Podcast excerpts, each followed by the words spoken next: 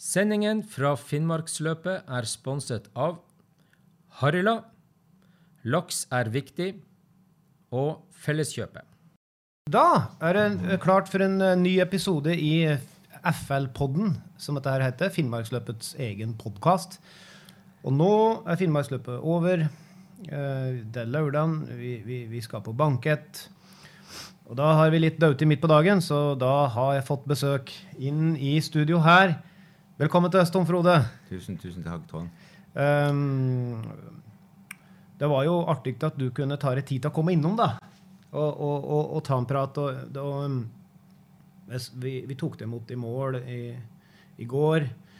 Og jeg tenkte nå skal jeg gå bort og hilse på Tom Frode, min gamle venn. Men, men så prøvde jeg flere ganger da, å komme bortåt, men det var jo Altså, jeg kom jo ikke bortåt. Altså, det var flere ganger jeg gikk bort. Det var jo Jeg har ikke sett like, stimling rundt noen folk i målområdet. Altså, de sto jo i kø og kasta seg over det. Det var liksom, og så mye folk. Altså, jeg hadde det litt travelt og skulle bortom og jeg skulle rekke noe. Så skal jeg bare si hei til Tom Frode. Og, og jeg kom ikke fram. Hva er det som har skjedd? Det, var helt, det var helt enormt. Det var, det var sånn oppmerksomhet. Så jeg, jeg hadde ikke kunnet forestille meg at det skulle bli sånn. Ja, bilder og, og Rolf Ville og Harald Tunheim, og det er bilder, og det er klemming og Ja, helt fantastisk. Ja. Ja! Jeg har aldri hatt en slik målgang før. Nei, det var, det var helt rått. Um, og eh, det er det jeg tenkte vi skulle, skulle snakke litt om denne her. eh, og da, da fikk jeg liksom en slik idé om at dæven ta, altså. Um, når Rolf Ville står der, og Harald Tunheim og, og Kari Jæger og, og, og, og med tårer i øynene og, og viser en, en slik voldsom glede, så tenker jeg at dette her må vi, dette må vi snakke om. Dette er interessant. Eh, en slik målgang er interessant. Og, og da da har jeg, jeg husker jo godt første gangen jeg møtte Tom Frode Johansen. Han, eh, og det var første gangen jeg var i Finnmark. Det var i 1997. Da hadde jeg vært i Finnmark om sommeren. Gått Finnmarksvidda på kryss og tvers og på fisketur og vært mye rundt omkring. Og, og jeg hadde hatt for, pliktåret mitt i Forsvaret oppi her. Og, og så kommer jeg tilbake som handler for Ralf Johansen i 1997. Og da var, det året så var han Ralf rookie. Han hadde ellers kjørt Finnmarksløpet før. Og jeg var jo da handler hos en annen eh, hundekjører, men han, eh, han Ralf han ville liksom leie med som handler. husker jeg. Det var, så jeg ble med han oppover, og vi var veldig spente båttur. Ralf han, eh, han var veldig spent og, og litt usikker. Eh, og vi kjente ingen, men vi ble jo kjent med eh, en håndfull folk da, i løpet av det året, som var en fantastisk reise. Eh, og da husker jeg at jeg møtte Tom Frode, for at når du starta, så var det litt like Tom Frode, eller kjente Tom Frode. Og utover i løpet, så Det var den gamle ruta da vi kjørte innover mot uh, i Vest-Finnmark, indre deler der. Og, og jeg husker på en slik sjekkpunkt. Da var jo på jeg tror det var på Sushiavre. Da lå vi inne på den vesle fjellstua der vi var bare 10-12 kjørere og 10-12 handlere. men, men, men, men eh, det, var jo, det var jo så Jeg husker at du var, du var akkurat den samme som du er i dag, egentlig. Husker, du- ja, Du sa det i stad at du huksa det året. Ja, jeg gjorde det. Jeg husker det var en, en, en liten spirip som sprang rundt og var så interessert og liksom spurte og styrte. Det var så voldsomt. Så det var nok en superhandler for, for Ralf det året. Ja, ja, ja, ja, ja, ja nei, jeg hadde jo Jeg var jo handler og hadde drømt og sett, og Finnmarksløpet var jo som en drøm. da, og nå sto jeg midt i det. Så fantastisk. Men, men det, det som var den tida, det var jo på en måte Det var et lite arrangement, men, men, men det var det var en veldig sammensveisa gjeng og en veldig slik lojalitet. Alle kjente alle. og Jeg var, var så overraska over og godt, gjestfriheten og godt vi liksom ble til vare på. Alle betydde noe. Og vi var på hils. Det var liksom en slik stor familie, nomadisk, som flyttet seg fra, fra, fra fjellstue til fjellstue innpå vidda der. Um, og um, Nei, og- så, så det var jo Det var jo helt anna tid. Ja. Men, men Finnmarksløpet i dag, hvis du sammenligner de løpene du kjørte på 90-tallet, kontra de løpene du kjørte på, har kjørt de seinere årene. Det har jo vært litt sånn bølg, bølg og dalbane for Finnmarksløpet i starten. Der. Nå har jo ikke hele historien klar i hodet, men det, jeg kjørte jo mitt første Finnmarksløp i 1987. Og da, jeg husker at det var over 40 spann. Det var bare én, altså, det var, det var åpen klasse, og så var det begrenset klasse. Da jeg kjørte begrenset klasse, Den gangen var det 40 mil, og jeg hadde 600 som jeg hadde skramla i hop. Og eh, men det trent jevnt og godt, og, øh, og det var litt sånn som, som, som i år. Jeg hadde ikke de kjempestore forventningene. Og, og jeg kjørte ut, jeg kjørte forbi det ene spannet. Kjent, oi, han er ukjent. Oi, han er ukjent. Oi, kjører forbi han. Så det gikk veldig godt. Og så jeg endte jo opp på delt andreplass med Rolf Ville. Det var helt, helt, helt uventet som, som, som nybegynner. Eh, og fra, fra etter, etter det året der, så var det noen år som var ganske lik. Det var ganske mange deltakere. Men så droppa deltakelsen i Finnmarksløpet. Så var det mye diskusjon om spannklasser. Vi var En gang var det tolv spannklasser, og så var det konflikt mellom åtte spann og storspann og sånt. Altså har, altså ikke store ting, men det har, det har, det har jo vært en sånn reise for Finnmarksløpet også. Til det ble etablert som en eh, butikk, da. Eh, så jeg må jo si at eh, nå er det fryktelig velorganisert. Hvis det tar en liten sammenligning da med, med, med det som jeg opplevde borte i, i, Alaska og i Canada i forbindelse med Yukon Quest og Detroit, så, så er det jo, det er jo Finnmarksløpet ligger nok et stykke foran i organisering. Det må jeg si. Så all ære til, til de som står bak den biten der. Men det har to sider. sant? Vi kommer kanskje tilbake til det senere i, i, i praten, men du vet at all, all idrett går gjennom en sånn sportifisering. Og, og det tidsrommet vi, vi nå eh, prater om, det er ganske langt. sant? Fra 87 frem til, til nå. Altså, vi, vi nærmer oss jo 40-50 år sant, i en tidsepoke. Sant? Det, er, det, er, det, er, det er sprøtt lang tid. Og det er helt naturlig at ting forandrer seg. Men ser du tilbake på de de aller fleste idretter, så, så er det sånn at ting som startet med eh, gutter i skauen på ski og, og ja, diverse andre idretter, så, så er også hundekjøring blitt fryktelig sportifisert i forhold til utstyr, i forhold til noe sponsing, i forhold til ja, diverse. og og det som var utgangspunktet, altså Friluftsliv var i utgangspunktet i de løpene på 80-tallet 90-tallet. Så var det friluftsfolk som testa hundene sine på løp. mer eller mindre. Og det er jo det for så vidt litt ennå, da, men det, skjønner du hva jeg mener? Jeg føler at det dreies imot mer idrett, sport, sportsprestasjon. Er du ikke enig? Jo, ja ja. Jeg ser helt tydelig den. da. Når jeg kjørte mitt første Finnmarksløp, det var i år 2000. Og det er jeg så glad for at det kom med veien da, for da var det fortsatt litt av det gamle. Og så var jeg med gjennom 2000-tallet fram til 2009. Så kjørte jeg en del Finnmarksløp. Og jeg var med til da Finnmarksløpet ble født på nytt, som jeg kaller det. Og det var når når, når det gikk til, til Øst-Finnmark. Da Da, det, det, da skjedde det veldig mye. og Det, det er flere epoker i Når jeg har kjørt Jeg husker jeg var med og starta i ja, år 2000. Det året så starta vi nede i Bossekopp der. På en parkeringsplass. Um, og det var målgang på Øvre Alta. Det var start nedi der. Uh, det var, det var noen, noen liten organisasjon som frivillig uh, drev på med dette her. og og, og det var ildsjeler.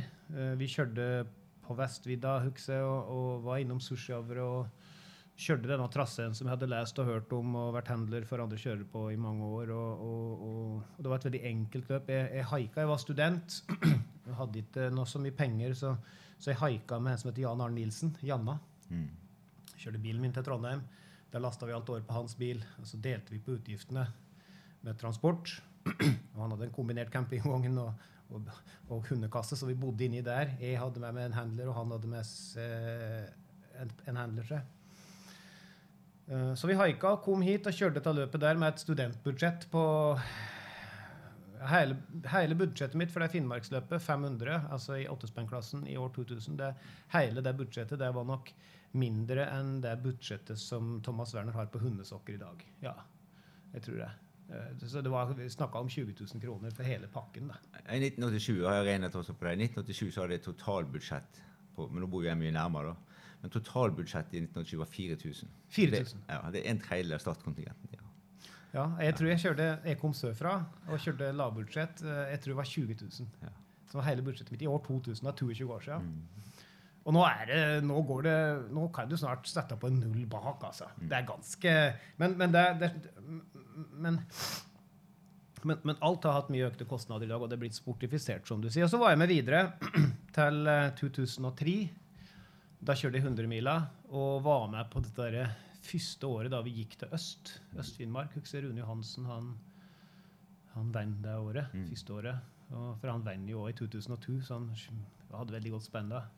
Han heta for noen lederrunde han hadde. Han hadde en spesiell lederrunde han rundt det året. Jeg klarer ikke jeg tror det var Eh, Fanny. Funny. Fanny. Fanny. Var det? Ja, Ja, ja. ok. En svart en. Ja, ja. Og, og, og, og så kjørte jeg igjen i 2004. Mm. Uh, og da så jeg mye forandring bare fra 2003 til 2004. For da kom det pressebuss, og, det var mye slik. Det begynte med som å balle på seg rundt ja. lite grann. Uh, og så tok jeg en pause uh, fram til 2008. Og når jeg da kom tilbake, så da hadde det skjedd mye, altså. Da, da, da Det var start i Alta sentrum her, og mye, mye virak. Mye, og du har fått et stort pressesenter. Og, og da var det virkelig eh, Og Hans Petter Dalby, det var primus motor og ildsjel og spiker og, og slik. Og så kjørte jeg i 2009, og da hadde Trond Anton kommet og, og var med sånn Finnmarksløpet, alt mulig. Eh, Så, voldsom!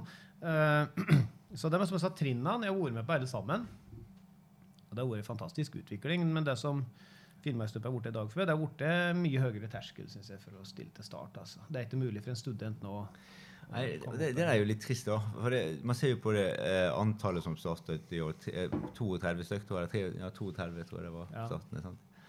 Eh, det er jo Og jeg forstår det, for det er, det er virkelig et løft å komme seg til startstreken. Og nå tenker jeg ikke bare på økonomien, altså jeg tenker også på, på det hundeholdet du skal ha, og den tiden du skal sette av til å holde hunder på et sånt nivå at det er liksom Forstå meg rett om det er verdt å, å, å reise opp dit. For jeg har en sånn, Hvis jeg sammenligner da med, med løp, det lille jeg har sett over i Alaska, så virker det som at der er æren i det å ha kjørt Elite Road, den er så stor at eh, om jeg bruker ti dager mer enn de andre, det har ingenting å si. Jeg tror det er litt på vei til å komme vekk fra det, da, men det, jeg tror det henger igjen litt. Men, mens i Finnmark, så, på Finnmarksløpet så er det liksom at du nesten må være konkurransedyktig. Det er ja, det, det, her, det, her er, det her er litt sånn å få litt sånn vondt i magen av. Fordi at jeg husker vi satt på et eh, sånn her eh, evalueringsmøte for mange mange år siden. Det var jeg 2000. Og det var en sånn fase hvor Finnmarksløpet var litt nede. og Hva skal vi gjøre, hvordan det skal bli. Det var, det var før at det ble butikk. Og da, og da hadde jeg et innlegg. vet jeg, så så, jeg, jeg har en visjon. Så jeg har en visjon at Finnmarksløpet skal bli et løp med masse deltakere og masse forskjellige nivå. Så folk kan finne sin nivå å konkurrere på, og liksom ikke nødvendigvis måtte være det beste. Og så føler jeg at vi, vi, vi er på vei dit. og Hvis du ser på, på den her eh, 600-klassen, så er den kanskje litt der. Kanskje. Men, men åpen klasse, der er, det, der er terskelen, som du sier, begynt å bli ganske høy. Ja, han er, han, han er utrolig høy borti. Han blir høyere og høyere for hvert år. Og nå er det dette med kvalifisering som går ut. Ja. Og det er jo det er vel bare et resultat av, samfunnet rundt. ikke sant? At Finnmarksløpet må på en måte ha tiltak for å uh, ha ryggen fri i forhold til samfunnet rundt hvis det skjer noe. ja, Vi har, det var ingen som det var ingen som visste om Finnmarksløpet, men nå er det jo blitt media, og det er blitt gjennomsiktig alt. Og, og, og, og sporten blir jo eksponert for hele samfunnet, på godt og vondt. Og, og det er klart at da må de jo ha kvalifisering. Eh, Jeg skjønner det. Det var ikke det før. Eh, Men eh, det er mye som har forandra seg. altså veldig ve, ve, veldig mye. Men han er sportifisert, og terskelen er borte. Tror, tror, tror er borte mye, mye, mye høyere. Men, eh, men, men, men du kjørte altså Finnmarksløpet fram til Du var jo med i 2000 ja, Nå husker jeg ikke. Lenge, Du kjørte hvert år nesten, gjorde du ikke det? Ja, altså, første år var i 87, andre år i 89, og så var det i 90-91, tror jeg, og så har det vært liksom ganske mange år etter hverandre. Og så har det vært noen sånne pauser. Men mm. jeg har holdt det gående. Så jeg har 23 ganger har jeg startet. 23. På 21 år jeg kom til mål. Og, men du var jo fast finnmarksløpskjører og, og kjørte Finnmarksløpet år etter år etter år og var med på utviklingen. Men så, da valgte du å forlate Finnmarksløpet og bruke fokuset på andre løp. På andre siden. Hvordan, hva, hva er forhistorien til at du plutselig dukker opp i Yukon Quest i Ja, 2016? den, den er litt artig, skjønner du. Eh, Du nevnte det vel så vidt. At, nei, jeg vet ikke om du gjorde det, men jeg driver jo også litt med turistkjøring. Sant? Og det, bakgrunnen for det er jo det at eh, jeg har familie, jeg har jobb, og allerede ganske tidlig på 90-tallet, 2000-tallet, så fant jeg ut at den lærerlønnen som jeg har, det er ikke nok til å ha et relativt stort hundehold og, og sørge for at familien også har mat og bygge nytt hus og alt det greiene her. Så det er nødt til å komme inn noe ekstra penger. Så da var jeg liksom en sånn liten leiesoldat og reiste rundt og så jobbet i Sverige litt. Jeg har jobbet litt for Svein Engholm, og Vadal hadde turistvirksomheter. Så, så jeg tok noen sånne jobber for å spe på. Og etter hvert så har jeg eh, liksom hatt enkeltmannsforetak og drevet i, i Troms også med Finnmark, i, med, med turistkjøring. da.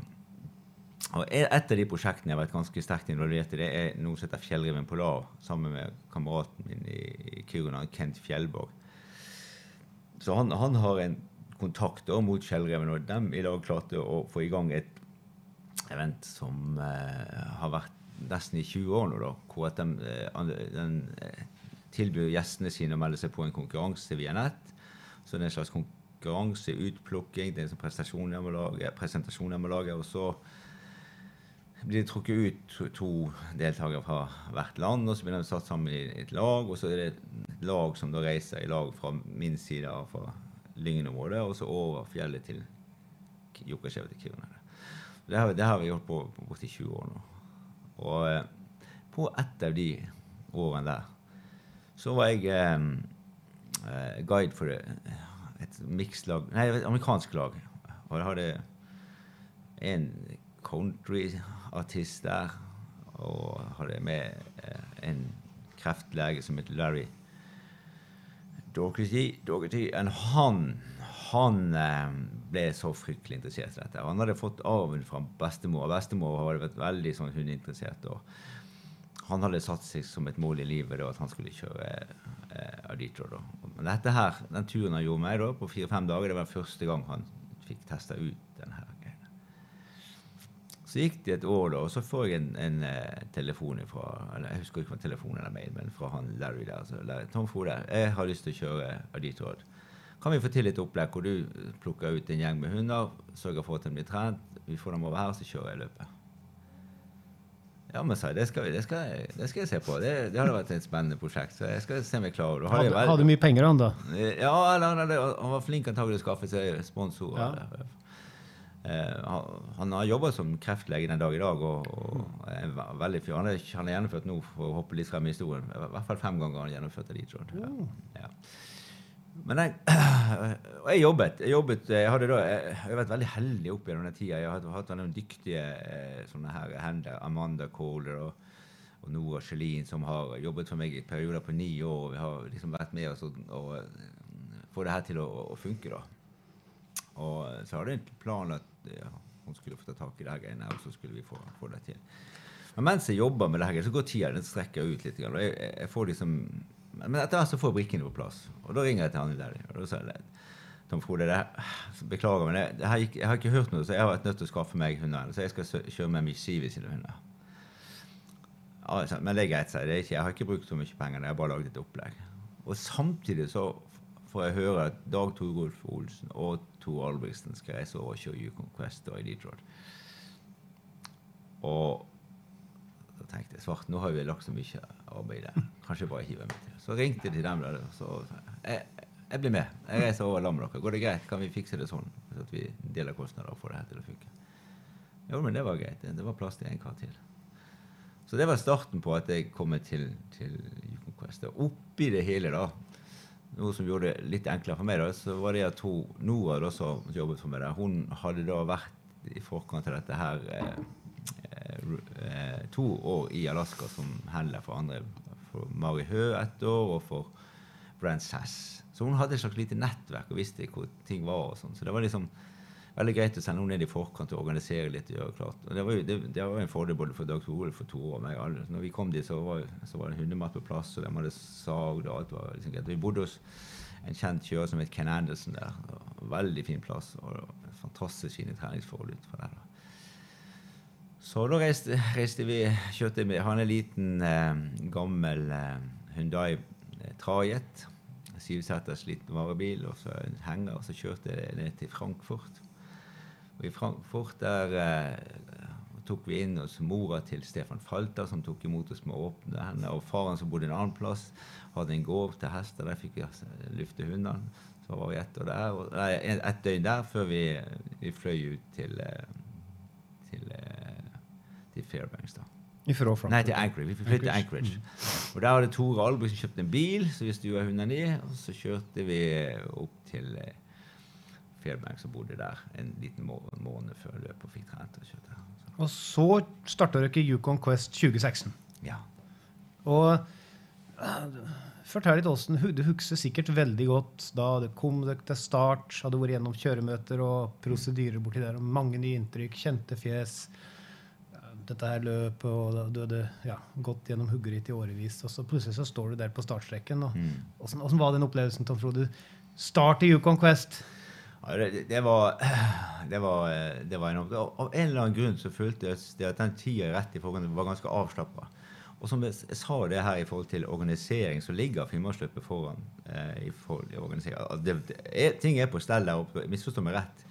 Det var eh, organisert matinnlevering, det var organisert kjøremøte, det var organisert veterinærsjekk. Men det var ikke noe sånn, sånn spesielt i forhold til det vi gjør her. Det var veldig likt, akkurat de tingene der. Så det gikk, gikk faktisk klokkereint. Og så kom starten, og, og eh, vi starta fra bil på en parkeringsplass. Ja. og kjørte ut fra Fairbanks. Og en litt artig historie der. Og, nå, kom, nå klarer jeg selvfølgelig ikke å huske navnet på men det er en gammel indianer, en kjører som har vunnet uh, Detroit, og en litt legende på godt og vondt der borte. Kar. Han er i live den dag i dag. Jeg visste ikke hvem han var da, men han kom bort til meg, og så så han på meg. Oh, your dogs, who, who are you? Your, your looks great. They are in perfect shape to race. I look at a lot, lot of the other marshals had so fat dogs. Yeah. ja. Så han, eh, han ga meg kompliment. 'Jeg skal følge med deg', sa han. 'Det her ser veldig bra ut. Hundene dine ser helt topp ut. De er akkurat sånn som de skal være.' Ja. Jeg ble litt gira. da. ja. Ja. Eh, Så, eh, så, så startet jeg ut, og så i forkant, Nå må jeg gå litt tilbake, for i forkant jeg, jeg var jo ikke helt sikker på hvordan jeg skulle gjøre det her. Det var helt nytt, nytt løp. Og Yukon Quest er jo et løp hvor det er 20-25 mil mellom sjekkpunktene. Så, så du må liksom reise med relativt tung slede og masse hundmat og, og, og planlegge liksom etappen ganske godt. Men jeg, had, jeg var liksom hva faen, Hvordan i helsike skal jeg gjøre dette? Jeg hadde jo bare Finnmarksløpet å sammenligne. Det, liksom, det blir litt annerledes der.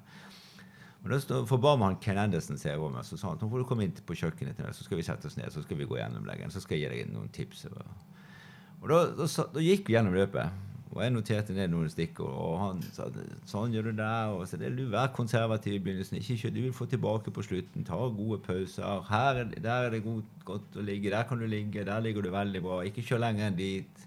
Altså, så jeg fikk en sånn gavepakke av Ken Anderson da, som, som jeg noterte ned. Og så gikk jeg opp på, på, på det her loftet i en sånn Henle-bolig som jeg bodde der i det, med de to hendene mine. Da la jeg meg på sengen, og så sa jeg til noen nå skriver du ned det her har jeg. skrevet ned en liste. Så, så Nora hun skrev for livet da, alt det som jeg klarte å, å formidle. Til slutt så hadde jeg en, en kjøreplan da, som viste seg i ettertid å være veldig, veldig, veldig bra. Det fungerte utrolig bra.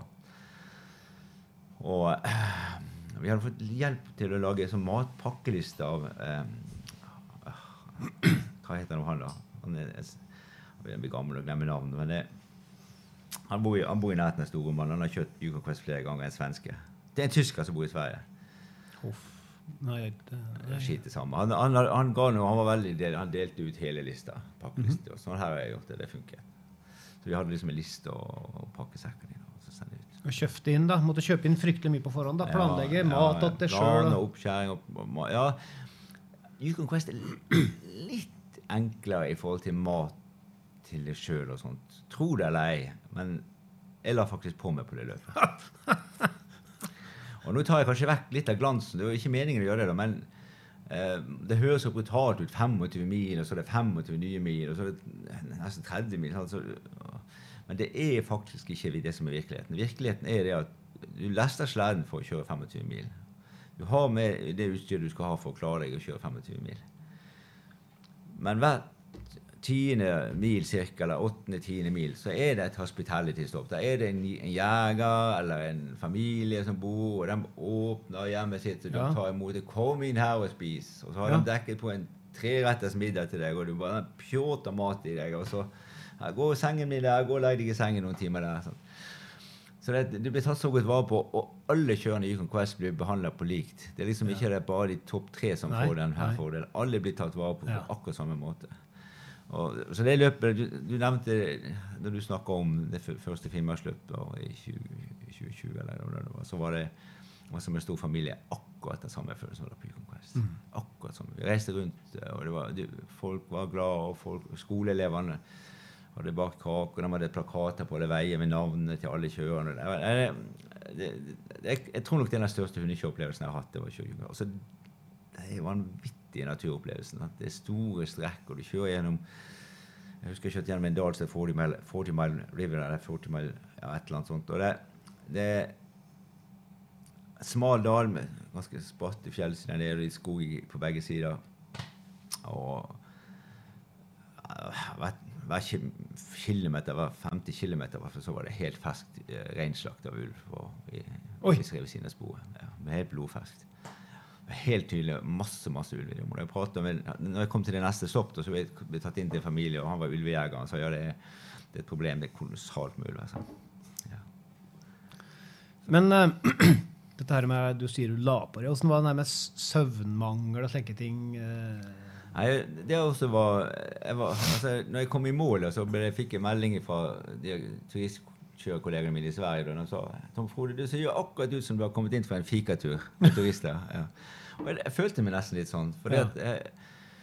kjøreplanen var, var jo ganske sånn eh, konservativ, da. Med, mye, med relativt mye hvile. 50-50.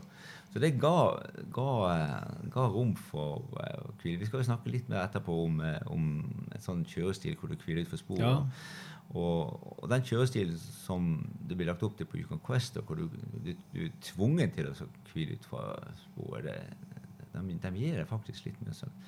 Så, men husker, det er en læreprosess i det også, uh, som, som jeg føler jeg absolutt ikke er utlært i. da, sant? For, s- eh, det er så mange faktorer som, som spiller inn.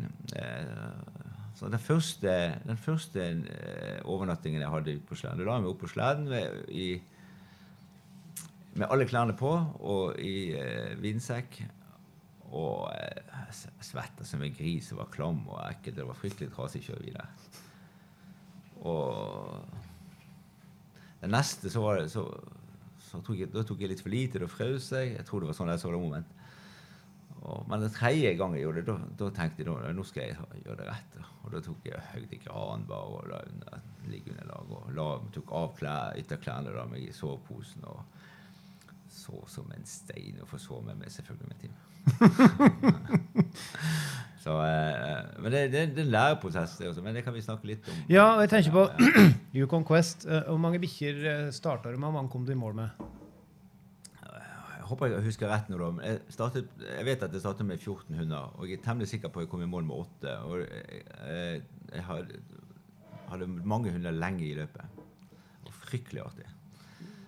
Var det noen utfordringer med å helle vekta på dem, eller gikk det greit? Det gikk faktisk forbausende bra. Og, og grunnen til det tror jeg er den her konservative kjøreplanen. sant? Med ganske lange hviler, hvor du fikk tid til å lage to, eh, to måltid til, til til hver gang du hadde en lang pause. Og I tillegg til det så lærte jeg noe der som, som jeg har tatt med meg videre her nå. Eh, og det er det at eh, de her Jeg vet ikke hvor store snackbiter du gir til hundene når du snakker. Hvor, hvor, hvor store er de? Nei, det varierer jo på temperatur og hvor du er i løpet, og hva slags råvarer som er der. Og, Mm. ja, så det varierer jo stort om det er fett eller protein. Eller Ja, men, og veldig ofte så har har størrelsen ikke vært så mye større enn en, Nei. en, en, en sant? ja. Men uh, Yukon Quest så la jeg i hvert fall tre ganger så store snackbiter. Og det gikk ned. Ja, altså, ja. Snart på kaffekoppen? I hvert fall litt større enn telefonen. Ja. Dobbelt så tjukk som telefonen. Ja, eller noe sånt. Ja. Hver ti, Mye større, Annenhver time. Ja, Så jeg brukte det Jeg tror det er Team Norway som, som på sine seminarer kom frem med Og det tror jeg jeg jeg ser i sporet at det er det som nesten alle bruker nå. Og Når du har gitt en fòring, så kjører du tre timer, og så hver annen time etter det. Og det, liksom, ja. det funker. Så det er liksom blitt en sånn leveregel. Ja. Ja. Ja. Og det gjorde jeg der også. Men det gikk greit å helle vekta på dem. Ja, veldig. Og, var ingen problem. og farten. Ja, altså, Nå skryter jeg litt, da, men det er lov til her, er ikke det? Lov Jo, ja, jo, altså, det her er ingen regler. Ja. Det, her er det fritt fram. Ja, for det, det ble trykt ut sånn skjema etter løpet. da. Var forskjellige ting da. Ja. Og etter de skjemaene hvem har kjørt fortest, raskeste kjøretid i løpet. Og det var Tom Frode Johansen. Sant? Men det var, jeg ble nummer sju der, da. Jeg ble best Rook hadde fin plassering, men jeg var jo ikke i nærheten av toppen. Nei. kan du si, Nei. i totaltid. Men jeg hadde kjørt fortere enn alle andre. Og lang, ja, lang tid var du bak. Og hva som vant det året? Det var eh, Le Mackie, eller var det Nei, nei, Neff? var, ah, nei det var, det var Hugh Neff som ble nummer én, og Brent Ja. Sass nummer to, og så Alan Moore nummer tre, tror jeg. Ja. Det var det. Mm. Men, men åssen gikk det med de to andre, da? Som du haika med? Ja, eh, Trond, han, eh, Tor Albrigtsen han kom jo litt langt bak. men Jeg husker ikke hva det men han kom et, et døgn eller to bak meg. Men, men han hadde en fin opplevelse, han også. Ja, Dag-Torhus kjørte ikke han da? Han kjørte bare dit. Tror jeg. Ja, ok. Ja. Så da kjørte du Yukon Quest. Mm. Og må vært en fantastisk Ja, opplevelse. det, det, det sitter i hjernebakken her som noe av det største jeg har opplevd. Ja. Ja. Det var verdt det. Ja. Men, men du reiser hjem igjen etterpå Mm. til Norge. Og så går det fire år, og så reiser du over igjen. ja. Mm. Og, og, og hvis du kort oppsummerer, åssen kom dere over i 20 til, til Alaska på nytt og kjørte Iditarod? Ja. Da, da var det litt mer en sånn eh, Da var det litt mer en eh, hjelp av hun Nora, da, som, som jobba for meg. For hun var veldig på det. Og eh, hadde veldig god kontakt med, med miljøet borte, altså med, spesielt med Brent Sass. Så da eh, lagde vi en plan i lag, jeg og hun Mm. Så hun, hun, det skulle egentlig skje litt tidligere, for hun, men hun brøt Finnmarksløpet og hun brøt et annet løp. eh, Så, og så døde dessverre mora hennes eh, oppi det her. Så hun- det ble forsinka litt, prosjektet litt. Grann. Av flere grunner, som sikkert var veldig bra. da. Men det hele gikk ut på at i og med at hun hadde bidratt så mye, så syntes jeg det var reelt at hun fikk kjøre Yukon Quest. Mm. Og i og med at hun hadde nettverket der, så brukte vi det for det det var verdt. Og så, når hun var ferdig med Yukon Quest, så var tanken at da skal jeg kjøre dit med de samme hundene. Og så etablerte vi kontakt med Brent Sass. Så vi tok med oss, vi hadde med oss, og jeg hadde litt kontakt med Kjetil Reitland, så det er noe av hans hunder. Og så eh, slapp vi ta med så veldig mange hunder over. Ja. Så vi frakta ti hunder over. Og så lånte vi av Brent Sass det som vi trengte da for å fylle opp spannet. Eh, så bodde vi hos Marihø. Så eh, vi bodde fantastisk. eh, Eller eh, vi, jeg, det, det er feil å si vi. For det, sånn jeg gjorde 1. desember, da sendte jeg eh, Noah over dit. Med de, med de hundene som hun skulle, eller de fleste hundene. Så kom jeg på et rookie-møte litt senere i desember. Og da hadde hun de hundene hun skulle ha. Da, så trente hun de fra Salsje, der hvor hun var i Høbo, utenfor Fairbanks. Så jeg var hjemme og kjøpte turister og prøvde å skape penger nok til, til det her greiene her. Ja, ja, penger nok. Altså, kjøre Ditrod 2020, altså, det er jo snakk om mye penger. Hvordan fikk du tak i så mye penger? Du er en vanlig familiekar med en vanlig jobb eh, på et vanlig sted i Norge. Ja.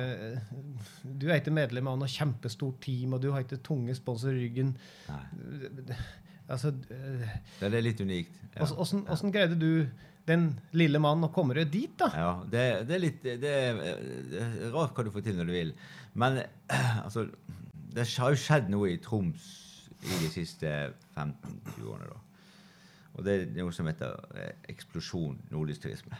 Ja. Altså, sånn, det, folk i Europa har blitt så opptatt av å komme og se det nordlyset. Og ut ifra det så har jeg vært med på å bygge opp en, en turistbedrift som har gjort på det. Og vi har hatt noen vanvittig gode år. Ja, ok. Mm. Sånn at det er turister fra hele verden som har sponset meg. Ja, så jeg var, i, jeg var i stand til å legge til side nok penger til Ja. å gjøre det. Og det var mye penger. Det var mye penger. Det, det er snakk om over en halv million. Ja. ja. Ja, ja. ja. Ja. Men altså, sett på en annen side. Du kan legge til side en halv million på, i dag. Det kan mange klare, det. Mm. Da kan du kjøpe en ny bil. ja. Er Akkurat Den sammenligningen har jeg brukt hele tida for meg sjøl. Jeg har gamle, gamle råtne biler, men jeg har kjøpt. Jo, ja, men altså en ny bil. Jeg kjøpte en ny bil. Og det er liksom, Du kjøper en ny bil, og så har du den noen år, og så det er liksom, ja, du hug- det hugger til den bilen. Men altså, dette er ditt råd. Det kommer til å sitte akkurat som Quest. Ja. Det er jo en investering i ditt eget liv som er så stor at du, du vil ikke greie å beskrive han her, tipper jeg. Nei. Ikke, men ok, Nå skal jeg ikke dra ned i Adito, for det var altså, den naturen du får oppleve når du kjører gjennom Adito, det er helt, helt unikt. Men sammenlignet med den atmosfæren som var i Conquest, Mhm. så, så rekker ikke Adito opp til knærne. Nei. Som gammel finnmarksløpskjører eh, med, med, med 80- og 90-tallet i beinmargen fra Finnmarksvidda, så, så, så, så Jeg tror du skjønner hva jeg mener. Ja, ja. Jeg skjønner godt hva du mener. Og det er jo Årsaken til at Yukon Quest ble oppretta, var jo nettopp det at de skulle ha dette der. Det skulle være enkle, å hunde kjøre i fokus, og det skulle ikke bli så mye penger og så mye, så mye glam. Det var det som var til han Leroy og Hanks og så de gutta som, som starta til Jeg har sett en del filmer om starten på Yukon Quest. da. Og det er jo litt Det skal være enkelt, og det skal handle om mann og bikkjer. og Det skal ikke være alt rundt. At det skal bli en sånn rikmannssport der alt blir så sportifisert. da. Så, men, men hvis du oppsummerer ditt råd eh, 2020 Du hadde skaffa penger, du kom over der. Du hadde et, åpenbart et veldig godt spein. Og så åssen gikk løpet? Ja, det, gikk veldig bra. Nå, hadde, nå fikk hun Noah et veldig tungt Yukon Quest. Det var masse snø og mye brøyting og mye tung kjøring og svinekaldt. Som også sannsynligvis gikk litt utover treningen i forkant av løpet. Det var jo 40 og 45 grader i lange perioder der. Så hun sleit virkelig. eh, altså Hun hadde en tøff periode der borte. Vi skulle jo tro at det var luksus at hun fikk bo i, i Alaska der. men hun hadde det fryktelig travelt med å samle greier både til mitt løp og hennes løp. og Det var en fulltidsjobb. det hun gjorde. All ære til hun for det. Hun sto på for å få det her til. sant? Og eh, så, så Vi trodde det skulle være en optimale oppkjøring til Aditro, da. Men dessverre så, så ble det vel ikke 100 det. Så jeg, var, jeg hadde en sånn litt ond følelse når det startet der. at det var en kunne være noe smått på noen hunder. Jeg var nødt til å ta vekk hovedlederen min. halta dagen før løpet, så jeg måtte låne en ekstra hund fra Princess. Så, så det var jo en Så man gikk jo inn der med litt sånn spente skuldre og litt sånn vondt i magen, da. Men jeg, jeg prøvde å tenke hva, hva jeg gjorde på Yukon Quest, og hva fungerte veldig bra der. Og så prøvde jeg å legge opp en kjøreplan som var litt lik der. Og, og det gikk jo fantastisk bra, da. Jeg ble ikke rookie of the year, men jeg ble, fikk topp 20 og fikk dekket en del av reisepengene på, på, Ja, på pengepremier. og- Så, eh, eh, og, det var en fantastisk opplevelse, det òg. Jeg må jo bare si det. Jeg, jeg har, jeg, jeg, hvis jeg skulle klare, hvis turisme skulle blomstre igjen, og jeg blir pensjonist og kan jobbe og tjene masse penger, og enda har kropp som holder, så har jeg jo lyst til å reise en gang til over. Men jeg, har, jeg har mine tvil at det kommer til å skje. Det er ikke noe sånn mål jeg har satt at det skal skje. Men hvis det skulle skje, så vil jeg få en kjempekonflikt inni meg. Hvilket løp skal jeg kjøpe? Ja. Skal jeg kjøpe dit, eller skal jeg kjøpe Ja, det skjønner jeg godt. ja, Ja, ja. Det er mest penger i ditt og mest eh, ja, for sponsorer og slik. eh, Ja. Men, men Quest, the other race, som de sier, Ja. det er jo kanskje litt Det handler jo om helt andre ting. og Finansielt er det vel tøffere, kanskje. Det, det, det, men er det like dyrt? Nei, dyrere å kjøre ditt enn Quest. Du har jo gjort både Ja, jeg, tror, jeg tror det er litt dyrere. Det er nok litt dyrere å kjøre, men det er ikke sikkert. Altså, sånn på Yukon Quest har har du en bil med deg hele veien fra Alaska til Canada. Sånn. Mm. Mens Adito der er det mer i forkant med depot og og fly og diverse. Det året du kjørte, så var det en, en norske til som var med. Mm. Og, og det var en ganske historisk uh, avslutning han hadde, da, Ja, ja. egentlig. Jeg satt jo og kommenterte dette her fra stua hjemme. Ja, det, klart, det ble veldig mye fokus på, på Thomas mot slutten, for han var jo veldig overlegen. Ja, ja. Eh, og, Det var jo et fantastisk løp. han kutta jo han, det, det var jo to ting med han, bare for å ta det veldig stutt. Dette her skal jo ikke handle om han, men vi må jo nevne det når vi snakker om Edition 2020, så må vi nevne Thomas Werner. Det går ikke an det, ja. Nei, det ville jo være en fornærmelse. Men altså, han kutta jo hvile litt på slutten, han òg. Mm. Og så sjøl om han kutta hvile på slutten, så hadde han raskere kjøretider enn alle sa borti der. Mm. Altså Han økte på hele veien. Ja. Og, og som ikke det var nok, så kjørte han jo der med rookie dogs. altså han, Det var ingen av de bikkjene han kjørte med, som hadde gått der før. Mm. Det var ikke home running dogs i det hele Nei, tatt. Så det var jo en like, episk opplevelse. dette der. Og så var coviden, og og det var veldig spesielt, egentlig. Men det var jo en, en veldig sure Men ås- åssen åssen var det amerikanerne borti der eh, sa om dette der, egentlig? For det, det var jo lockdown, og ingen, det ble nesten bare slutt. Det ble ikke noe etterspill. Det var vel det siste Det var jo ofte du nevner for det var det siste, siste sportarrangement som gikk. Ja, hvor vi kom til det, Så det var jo veldig, det var jo veldig spesielt. Ja. ja, Så var jo det historisk å være med på. ja. ja. faktisk. Um, det, det var litt grann prat eh, i, i forkant av start. Det var litt liksom holdt igjen, men det var veldig lite. Mm. Jeg tror ikke merke så stor forskjell. Det var kanskje litt færre på startområdet enn det bruker å være. Mm. Men utover i løpet så skjedde jo ting. Mm. Da begynte det å gå opp for Oi, dette her er, dette her er alvorlige greier. ja. Så da var det noen av de her landsbyene som, som fikk beskjed om å stenge ned. Mm. Mm. Så de stengte jo ned eh, altså De flytta depoten ut fra, fra landsbyen, sånn at du hadde depoten ute ut i, på en teltcamp eh, på, ett plass, og, og så var det på en annen plass og, og var det en gammelbyen. da. Eh, Og der hadde jeg en ganske stor opplevelse. Kanskje, kanskje den største opplevelsen på løpet, tror jeg. sånn sett. Ja, ja på mange måter var det det. Eh, kommer eh, ut til kysten der Ja, nå, nå, Hjelp meg med de navnene. Du har Junellaklitt, hva har du etter der? Uh, nei, nå er ikke det så godt kjent på sjølve Ditterød-løypa, men det er Ja, jo det samme, da. Det, jeg, jeg kom ut til kysten der, og så uh, Sjakk Tulik, er det? Jacques Tulik. Ja. Uh, og der uh, hadde jo Den hadde jo stengt ned. Så alt depot var satt ut i en bitte liten hytte i gammelbyen. Og der, du måtte klare det sjøl. Depotene står der, halm står der, sprit står der. Du må klare det sjøl. Det er ingen, ingen der å sjekke inn det. Det skal visst være en veterinær der hvis du har problem. Det var liksom det, det vi fikk eh, høre. Så kommer vi dit, og så er hele bygda der. Ja.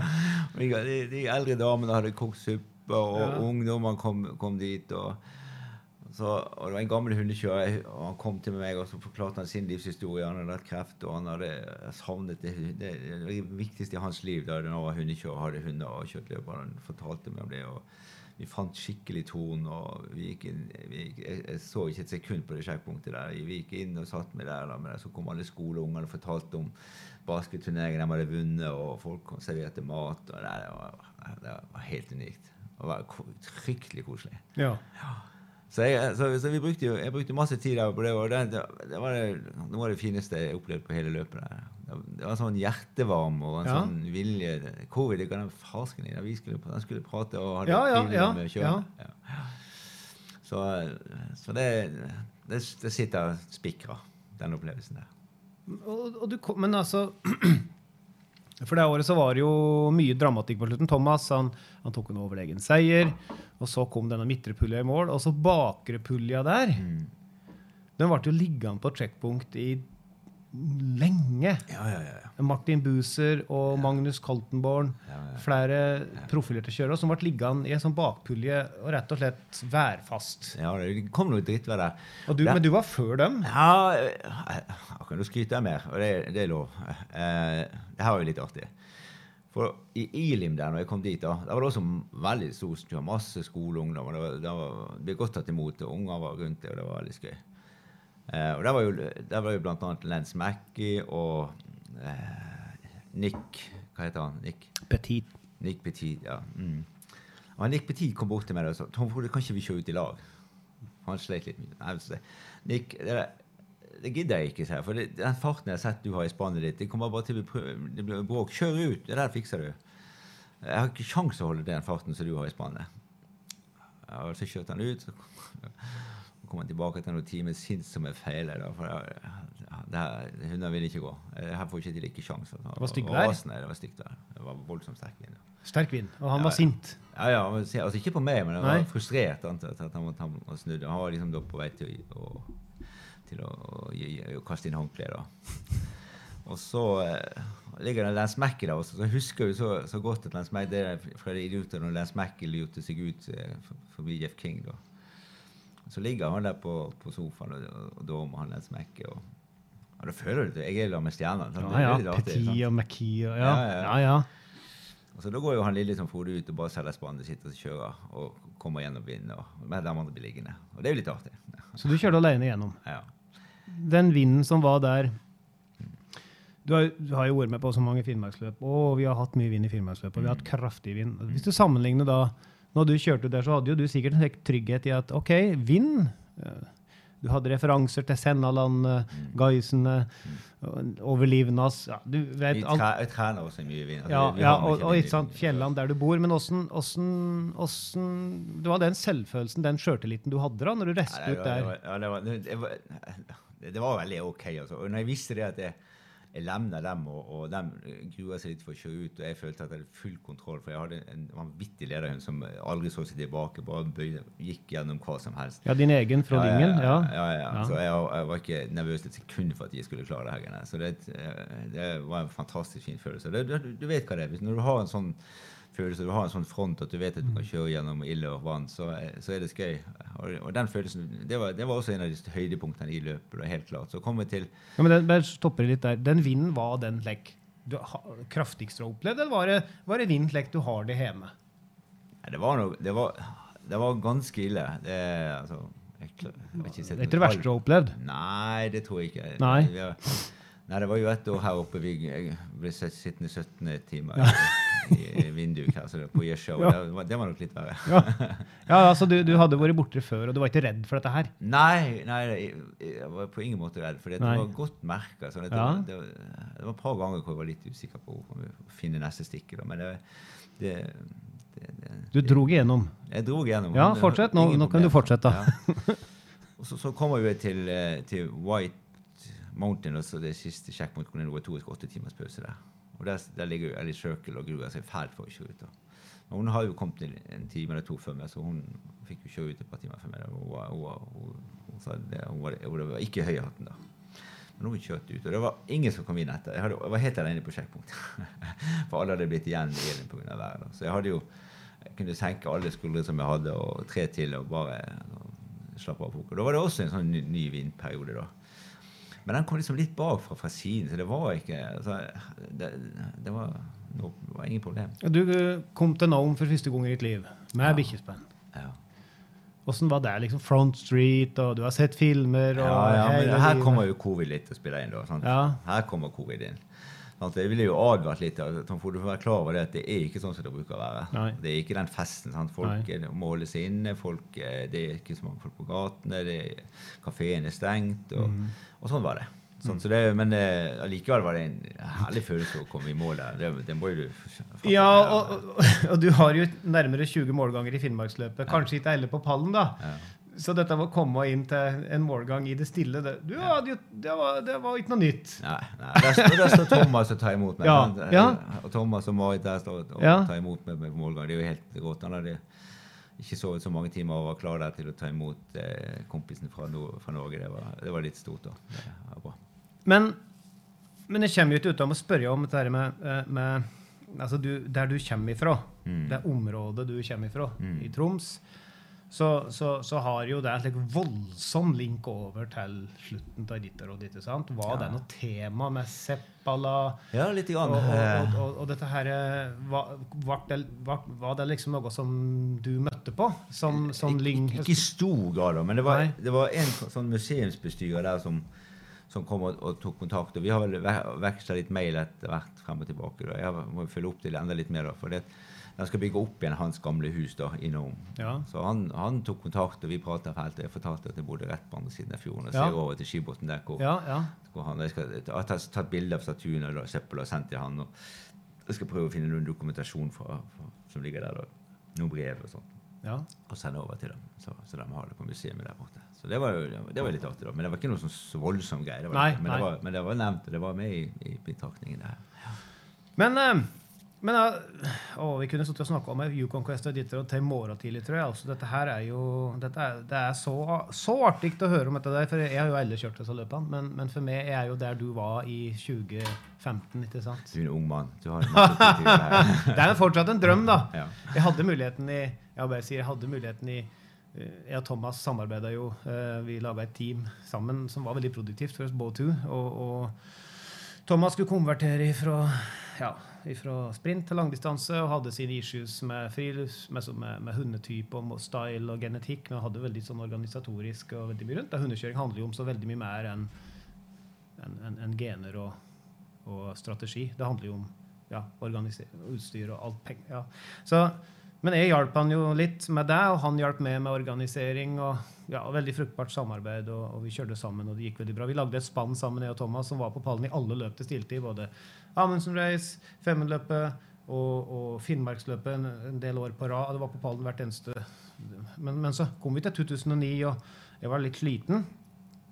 Og, så, og så da, det, det, er Thomas og, og Birgitte den gangen. Da sier de at nå vil vi begynne å sikte mot eliteråd. Eh, og, og, og de begynte med som å lade, for de hadde mye kontakter i Alaska. Og alt. Da. Og jeg satt der med tatt opp et millionlån for å sette opp en, en, hytte jeg hadde fått i premie. og akkurat fått en liten unge og fått, fått min første faste jobb som adjunkt på videregående skole. vet du, og jeg hadde jo vært en slik bohem eh, hundekjører i, i, 15 år. Og jeg syntes det var så godt da. Jeg drevet i 15 år og kjørt hardt og konkurrert og var sliten og litt lei og, og kom inn i faste rammer. og med, med Mat på bordet hver dag og kom hjem til en samme senga, varme senga hver dag. Og små unger og den fasen der. da, så, jeg, jeg kjente på det at nå så Da måtte jeg være ærlig og si rett til Thomas og Birgitte at vet du hva, jeg, kan ikke være med lenger. Det blir ikke riktig, for jeg er ikke så på nå. Jeg har behov for en pause jeg kjenner sjøl at det er andre ting som er viktigere for meg nå enn å stå på Nasjonalen. Og da løste vi opp det samarbeidet, og Thomas han, ja, han straka jo ut kursen mot Editterod og jobba målbevisst og gikk all in der, og jeg, jeg trappa ned og, og, og, og hadde en stille og rolig tilværelse. Jeg angrer ikke på det i dag, for jeg vet at jeg kunne, den gangen så kunne jeg sagt 'Yes, Thomas, jeg er med'. Og så hadde jeg bare blitt med. Voff. Men da hadde ikke jeg hatt den jobben, den familien jeg har i dag. Og den ville ikke vært foruten nå. Men det er klart, når jeg sitter her med det nå og hører du snakke om Yukon Quest, så må jeg si at det, ja, jeg, jeg, har fortsatt drømmen, ja. Ja, men det være. For meg var det øh, også en drøm og et mål. Altså, jeg, prøver, jeg, bruker å si at det var en miks mellom drøm og mål. Mm. Og jeg tror det er liksom, For meg er det viktig å ha det sånn. sånn hvis du setter et mål, og dit vil jeg, og her er drømmen, sånn vil jeg gjøre det. Men ikke la Jeg har aldri vært så oppslukt at hvis jeg ikke når målet, så går livet til helvete. Sant? Men er åpningen, så tar du den. Mm. Og det, jeg, jeg, føler at det er litt viktig, en sånn tankegang for meg er litt viktig. da, så har du mulighet til å oppnå det, men går det ikke å være lik for å få det til. Det er ikke verdt det. Nei, det, det, det. Men, eh, men uh, Finnmarksløpet i dag mm. uh, Vi skal snakke litt om det, og tida går her. Uh, du kommer tilbake da, til ditt, du har kjørt Yukon Quest i 2016, og så kjører ditt råd i 20. og voldsomme opplevelser i livet som finnmarksløpskjører, og så kommer du tilbake at da ser Speinrit i Femundløpet. Da kommer eh, Hva heter det for noe? Hun som kjørte Speinrit i Femundløpet, det er din uh, samarbeidspartner? Helge Ringbakken. Ja. Så ser jeg plutselig Jeg har jeg er koordinator i Femundløpet og ser litt, og så ser jeg plutselig at eh, blant Femundløpet er knalltøft løp. ikke sant? Knalltøft og på Orkelbogen mot slutten av løpet, så da har du skilt klinten fra hveten. Det var artig å se hva som er der i tet, liksom. Og plutselig så ser jeg da et helt nytt ansikt. og, og, og jeg vet jo ikke at det er speilet ditt, men så går jeg bort og mm, finner ut hva dette her er, da, som, som er der, og, og, og, skjønner jo greia. men jeg så jo da at du hadde, hadde gode bikkjer og flinke folk. Og har du gode bikkjer og flinke folk, da mangler du bare rutiner. Når du i tillegg har det, så, så, så, så er jeg ikke så overraska at, at, du plutselig var der du var nå, da. Men, men, men hva det var som du gjorde i år altså, i utgangspunktet? Du, du kommer hit, og så kjører du total annen strategi. Og den strategien du kjørte, det er jo det, det var årsaken til at Finnmarksløpet ble endra. Vi ha mindre stress i starten. Kikka mer over til Yukon Quest. Jeg var med den prosessen og påvirka i Finnmarksløpet, så vi skulle få bort denne skjoldstarten med denne Slæan og restarten på Storisniva. Vi skulle lage lange strekk i starten, så, så, så kjørere måtte tone farta ned og fikk, skulle ha anledning til å hvile på sporet uten å bli straffa for det. For det var jo ikke mulig i det gamle Finnmarksløpet. Så det var en regelendring, og denne regelendringa har jo vært omdiskutert. Enten elsker du det, så hater hun. Mm. Og, det har vært sånn halvhjerta forsøk på å kjøre med litt like Editor og Quest-style. Det har ikke lykkes. Uh, men så plutselig så kommer du nå og klinker til. Uh, hva var det som skjedde? Jeg må først uh, gå litt tilbake. da Du nevnte jo Helga. da, sånn, så det og Helga har jo vært litt sånn inn og ut med de her hundene mine i 28 år. da, som Pga. Et egeninteresse av at hun syns det er fryktelig artig å kjøre hund. Og hun bor en mil unna og, og er ekstremt eh, treningsvillig og opptatt av de hundene. Og hadde ikke det vært for henne, så hadde jeg nok ikke hatt det resultatet i, i år. For vi, vi, nå fikk jeg plutselig en, en treningspartner, en, en sparingspartner, som har masse rare, nye, gode ideer som, eh, som jeg først bare avviser. Men så, når vi går, diskuterer og går inn i det, så har hun en del poeng som plutselig slå til. Så vi har lagt, jeg har lagt om treningen veldig i forhold til hva jeg har gjort tidligere. Tidligere har jeg vært veldig konservativ. For, fulgt liksom Sven Engholm sine råd fra starten. Øke én mil og dytt, dytt, dytt, dytt, sånn til at du har hundene klart nå. Men nå har vi jo men jeg, må jo holde igjen litt. Vi har jo voldsomme diskusjoner. For vil bare mokke på. Kjør langt, langt, langt. langt, Sakte, langt, sakte, langt. Så vi har jo gjort det her helt annerledes. Og jeg hadde nok ikke kommet til å gjøre det hvis jeg ikke hadde hatt en som, som pusher på og har den gløden og den interessen for å, å, å holde på på det her. Så i fjor da hadde vi en kar til, da hadde vi tre stykker som trente i dag. Og det var en, en berikelse i livet. da. En Thomas Schumacher han jobber nå hos eh, Christian Valseth fra Tsjekkia. Fantastisk fin fyr. Og så Thomas, Helga og jeg trente liksom gjengen i fjor. Så i fjor hadde vi bedre hunder. Og, det var, og i år har det bare vært meg og Helga. Det har vært kjempetøft i forhold til å ha, være på jobb. og så, så eh, fryktelig mange kvelder så er vi hjemme eller nett er vi hjemme halv to om natten etter trening. Det er liksom, hver eneste økt jeg må trene, må jeg ha hundene i bil. Så det, det, det har vært en steinhard jobb, og jeg hadde aldri klart det alene. Så all ære til Helga for det. Ja. Mm. ja, og så kommer du hit, starter Finnmarksløpet. Mm.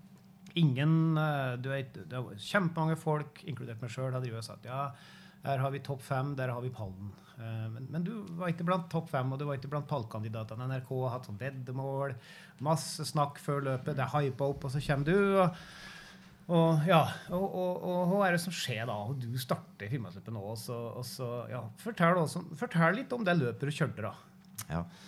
Eh, jeg må nesten uh, si litt hvordan jeg planla å kjøre. Ja. Sånn, uh, og, jeg er ikke redd for å dele det jeg har gjort, for folk kan kopiere hva som helst. Det betyr ingenting for meg. Men, så da uh, sitter jeg på Jeg har bygd et nytt servicehus hvor jeg har hundegreiene og kjører litt turister fra hjemme. Og, og sitter der på kjøkkenet der sammen med Helge og noen andre. Så, så, så, bruker jeg å lage noen sånn ruteark med 24 ruter for hvert døgn. Etter, så fyller jeg inn med fargekode når jeg kjører, når jeg hviler. Så la jeg opp en sånn, to forskjellige sånne planer. da. En plan eh, i forhold til eh, å ta hvile ut i Tana, som jeg virkelig liksom hadde lyst til å prøve nå. For jeg har sett liksom at andre lykkes med det. Og, og, ideen tror jeg også ligger der at eh, det er litt tøft, den fjellkjøringen over til Tana. Så det kan være greit å restarte etter den. Sant? For neste etappe er ikke så tøff over til eh, Den er lang, men er ikke så tøff over til, til Neiden. Så, eh, så den planen, den første planen var egentlig å kjøre til Tana. Men så den neste planen det var å komme til, til Neiden. Så jeg hadde de to arka med fargekoder liggende foran meg. Og så eh, begynner folk å sjekke værvarslingen da, en uke før og ti dager før. Og sånt. Ja, det ser ut som det blir mildvær. Jo nærmere vi kommer løpet, så er vi mer klar over blir at det blir mildvær. Og da, og da tenker jeg, og jeg snakka med Kjell Brendon litt om det, og, og så jeg traff han ned hos Erik Nilsen der. så jeg tror nok det er smart å kjøre om, om natta nå altså, når det er så varmt. Jeg tror at det vil bli ganske stor forskjell. Og da slår det veldig dårlig ut hvis jeg tar den her 16 timene i, i Tana. For da må jeg kjøre begynne på en varm dag og, og kjøre over fjellet der. Jeg vet ikke hvor lurt det er. Så eh, jeg tror jeg, må legge om til å bruke kjøre helt til Neiden. Og i, i, i 2000 og 18 Jeg følte også at jeg gjorde et bra løp. Jeg ble nummer sju det året der. og Jeg gjorde til, jeg, jeg toucha litt inn på samme kjørestil. og Jeg kjørte gjennom Kautokeino, kjørte gjennom Jergul og hvilte i Leverjokk. og jeg var liksom starta litt på en sånn prosess med å prøve å, å utnytte området utenom sjekkpunktene til fordel for hundene. Jeg husker det, mm -hmm. mm, når du sier det. Og eh, Nå spoler jeg litt tilbake til den kontakten jeg har hatt i, i i Alaska. Så jeg har jo hatt noen samtaler med han Brent Sass, som vant Elite i år, i og med at vi lånte hunder for han til det. Og vi diskuterte akkurat det der. Altså, for han er jo, han er jo notorisk eh, camper. da. Både på trening og på løp. Han bor jo i bushen og, og, og, kjører vanvittig mye hund, mange mil, og, og camper masse med hundene fra tidlig på sesongen. Og jeg spurte ham hvorfor, hvorfor gjør du det? Hvorfor bruker du ikke sjekkpunkt? Er du godt og varm? Nei, sa det, det, det affiserer med ingenting. Det er mye mye bedre for både meg og hundene å hvile utenfor. Vi får mye bedre hvile, får mye bedre tid. Mye mindre stress. Og ikke minst konkurrenter vet ikke hva jeg er. Og det, og? Og, det der sitter litt i bakhodet. Jeg, hvorfor, jeg har mange år tenkt at hvorfor får ikke vi til noe lignende på Finnmarksløpet? Det må jo gå an å dele opp det her løpet her i litt eh, bedre kjørestiler for, for kjøretider for hunder. Da. Jeg husker jeg, jeg hadde veldig kort besøk av Sigrid Ekran en gang. De kjørte forbi og spiste is på verandaen hos meg. Det var en, eller annen forbindelse. Og, og da nevnte hun at eh, hun liker aldri å kjøre mer enn sju timer fordi Kjører du mer enn sju timer, så er det ofte tungt å få mat å få fylt opp hundene igjen. Når du presser den tida der. Og Det har også sittet litt i, i bakhodet mitt. Ja, hun har et poeng der. Det, det er lurt kanskje ikke kjøre for langt for, for å holde fôring og holde liksom, rytmen i, i inntak. Sant? Det, det her er jo matematikk. Sant? Du, du, når du bruker energi, så må du fylle på med Ja, energi. ja. Du må fylle opp tanken igjen. Og får du ikke til det, så stopper det opp. Og I år så tror jeg det var veldig mange som sleit med det. Det var fordi at eh, eh, det ble så varmt og hundene mista appetitten. sant? Så eh, det skal jeg si litt om etterpå. For vi fikk veldig mye skryt av, av veterinæren når vi kom inn. Jeg synes det var veldig godt hold. og Det var litt artig, da.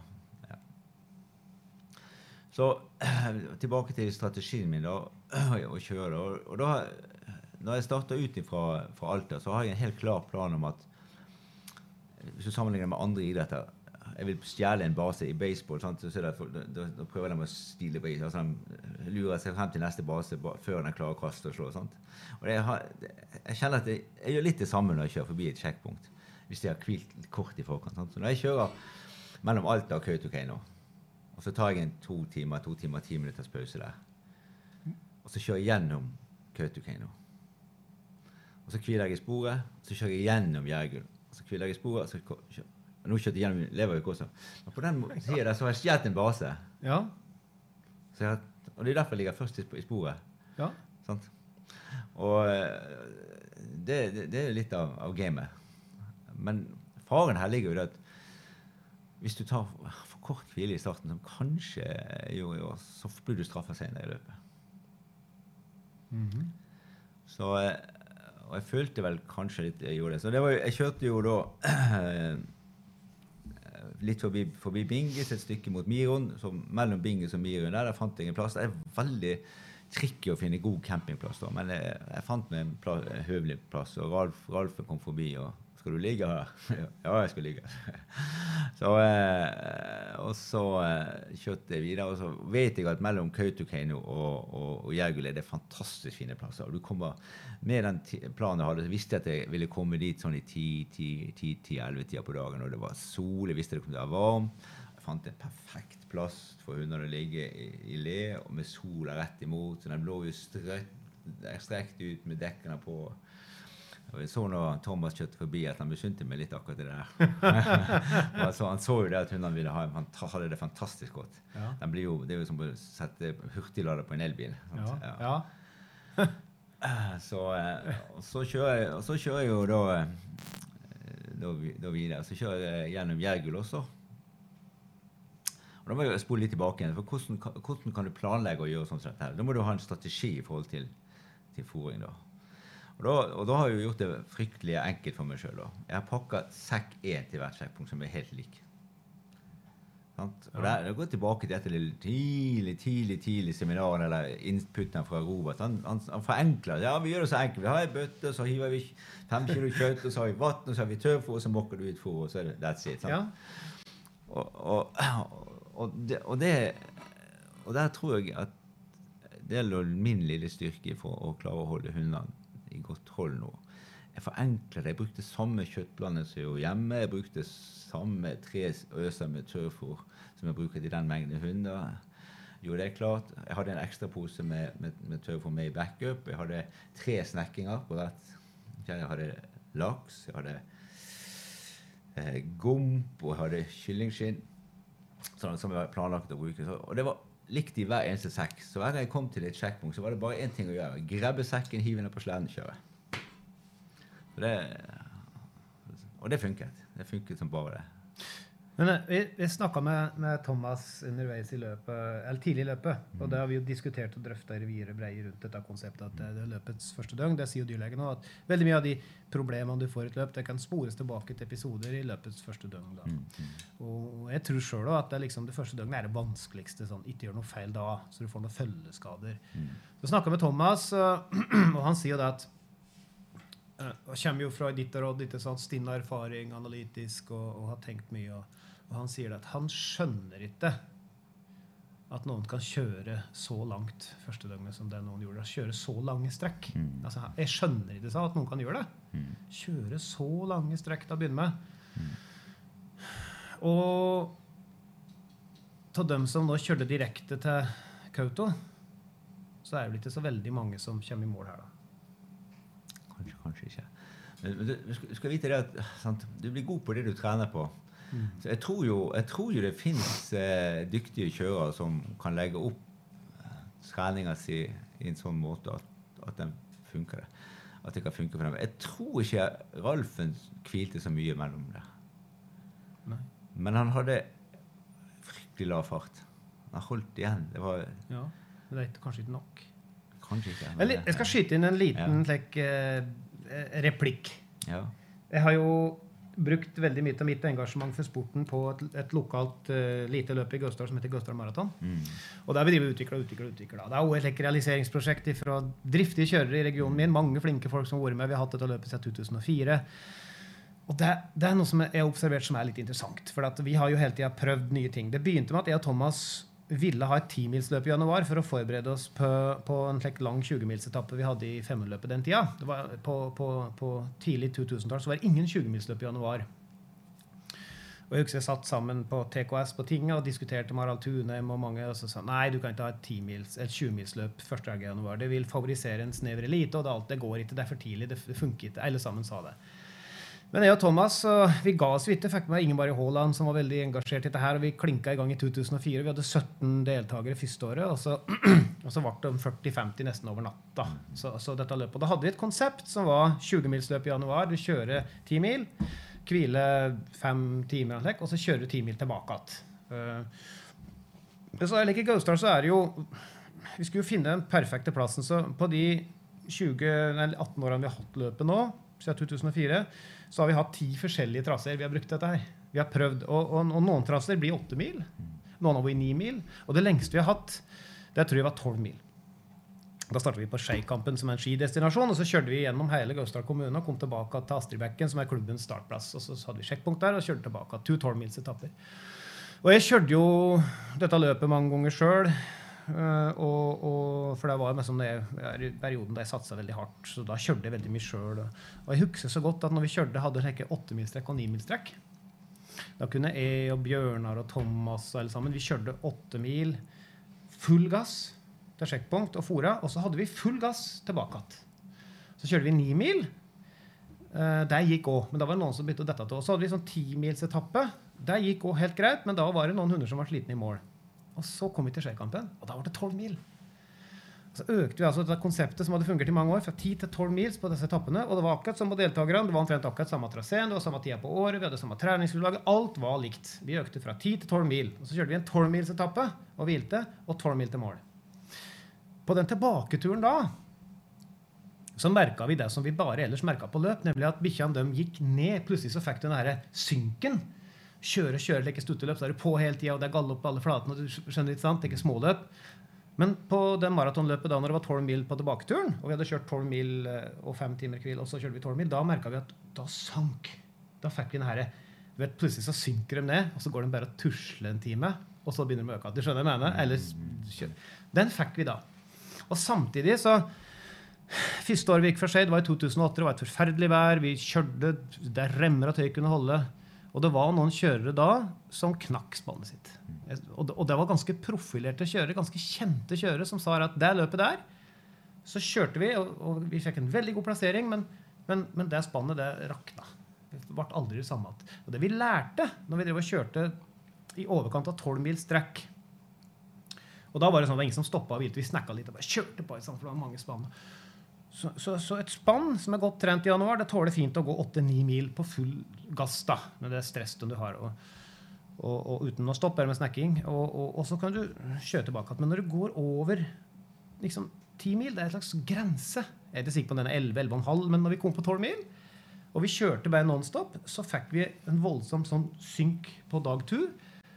Og, og, og enkelte spenn tåler ikke. Går det an å trene dem til å tåle det? Ja, jeg tror det, fordi at det var jo noen spann som tålte det, og noen som ikke tålte det. Mm. Mitt spann tålte det. Jeg tok samme spann og dro opp til Finnmark og var med helt i tet hele veien rundt to måneder senere. Mm. Andre som kjørte i tet det året, de kom til Finnmark og var ferdig på Neiden.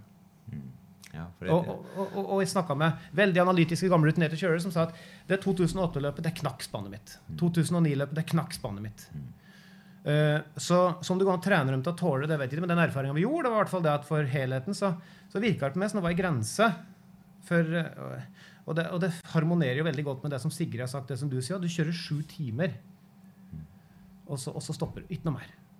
Og da er du der. Men hvis du, hvis du begynner å kjøre åtte, ni, ti timer uten å stoppe, så må du betale for det dagen etterpå. Mm. To dager etterpå. Men, men det er nå bare tanker. Ja, men jeg tror du har fryktelig rett. og Det er vel min erfaring i, løp, i det her løpet var det. For det ble, jo- jeg, ble, jeg ble jo presset den til å, kjøre åtte og ni timer noen gang. Og jeg fikk det, det smalt tilbake hver gang. Ja. Men sju gikk. Sju går helt fint. Ja. Sju, sju og en halv går greit. Altså. Når du er liksom åtte-ni timer, da må du betale. Og det der, altså det der har jo eh, Thomas funnet et knep som er helt eh, suverent. All respekt til han for det. Han har jo han har jo funnet en måte å brekke det opp med noen små, korte pauser. Som jeg tror Ja, er helt unikt. Det var det Thomas sa. Når, altså, det er jo, du utvikler seg som hundekjører. og alle har gode bikkjer, men så er det dette med og, og, og, han, og han sa det til meg når han hadde kjørt Editorod i 13. Eller fem, 15, var det vel. Fem, ja, jeg husker ikke. Første Editorod Thomas kjørte for noen år siden, han kom og fikk Rookie of the Year og kom tilbake. Og, og, og jeg snakka mye med han, og han sa at det, det, det var noe til det med sånn det, det som var forandringa der, det var det at i Alaska så var det mye flinkere til å Her i Norge så er det som du sier, Team Norway som, som, som, som var suverene. De hadde enkle metoder hvordan de gjorde ting. Og så er vi jo slik vi i Norge at vi tenker at ok, så snakker du sånn, så kjører du sånn. Og så var det jo et mantra med at Og det var, lærte jeg i Finnmark. I, Finnmark var et mantra at du, du, du, du hviler på oddetall. ikke sant? Husker jeg? Tre, fem, sju. En fire timer, det er ingen vits. Og en to timer, da blir de stive. Ja, husker du hvordan det var? Det var liksom opplest å vedtatt. at to timer Nei, nei, nei, du må ha tre timer. Fire timer? Nei, en- da oppnår du bare tre timer. Og du må ha en femtimer. Husker, hus- du husker det her? Det var sånn opplest. Altså, og, og, og, og, og, og Thomas han ble jo øh, sosialisert som langdistansekjører inn i dette her. Åssen du skal fòre. Halv liter vann per rund, kjøtt oppi bøtte. Ja, alt dette her. Og så kommer han tilbake fra Alaska så sier han det at det som er største forskjellen, sa Thomas, det var det at i Alaska så er kjørerne de, de har ikke noe fast mal på noen ting, men de har fokus på at plutselig bare stopper de. Sånn. Og det er for at Da føler de at bikkjene har behov for å stoppe, og da stopper de. Og, og, og de kan gjerne ta en to timer. Så, så, sa jeg at I Alaska så er de så veldig på bikkjene med masse kunnskap i ryggen, og så kjenner de etter, og så gjør de det de føler er riktig, helt uavhengig av er liksom ikke sånn formalisert ned i noen bestemte tider eller og, og, og mengder. Eh, og, og det tror jeg var med sånn utvikla han veldig, og, og, og, og som han bruker nå, da. For han har jo han har jo utvikla seg voldsomt og, knekt mange koder og, gjort ting annerledes. Jeg tror kanskje vi i Norge er litt for opptatt av å følge slike normer. Hva tenker du om det? Ja, du, du, kan, du, kan ha rett, da. Du kan ha veldig rett i det. Ja. Men, eh, men eh, Fortell om siste delen av løpet ditt. da. Altså, ok, la, hvis, vi, hvis vi går til Varangerbotn Ja, jeg, jeg kan forestille deg hvor jeg slapp. sant? Ja, For der du det- slapp. ehm, Men kommet til For det var jo litt artig, for jeg kjørte jo gjennom uh, Jergul, og så når jeg kjørte gjennom Jergul, så hadde jeg bestemt meg for at jeg skulle Da, hadde to, to, da har jeg alltid to optioner. Sant? For jeg, har, jeg kjører jeg litt gjennom Leverjokk, tar en tre timer, så kan jeg kjøre til Tana og ta tolv timer, og spart inn masse tid og ligger veldig godt an tidsmessig når jeg tar den langpausen min. Ja, ja. Scenario to jeg kjører fire timer over fjellet til jeg kommer ned i skogen fra fjellet der. Hviler der. Da kan jeg kjøre til mellom Kan jeg kjøre gjennom eh, Tana og, kjøre, og hvile med, med, med et vann oppi der som jeg har en sånn fast plass som jeg, som jeg syns er fantastisk. Med åpent vann og alt det der.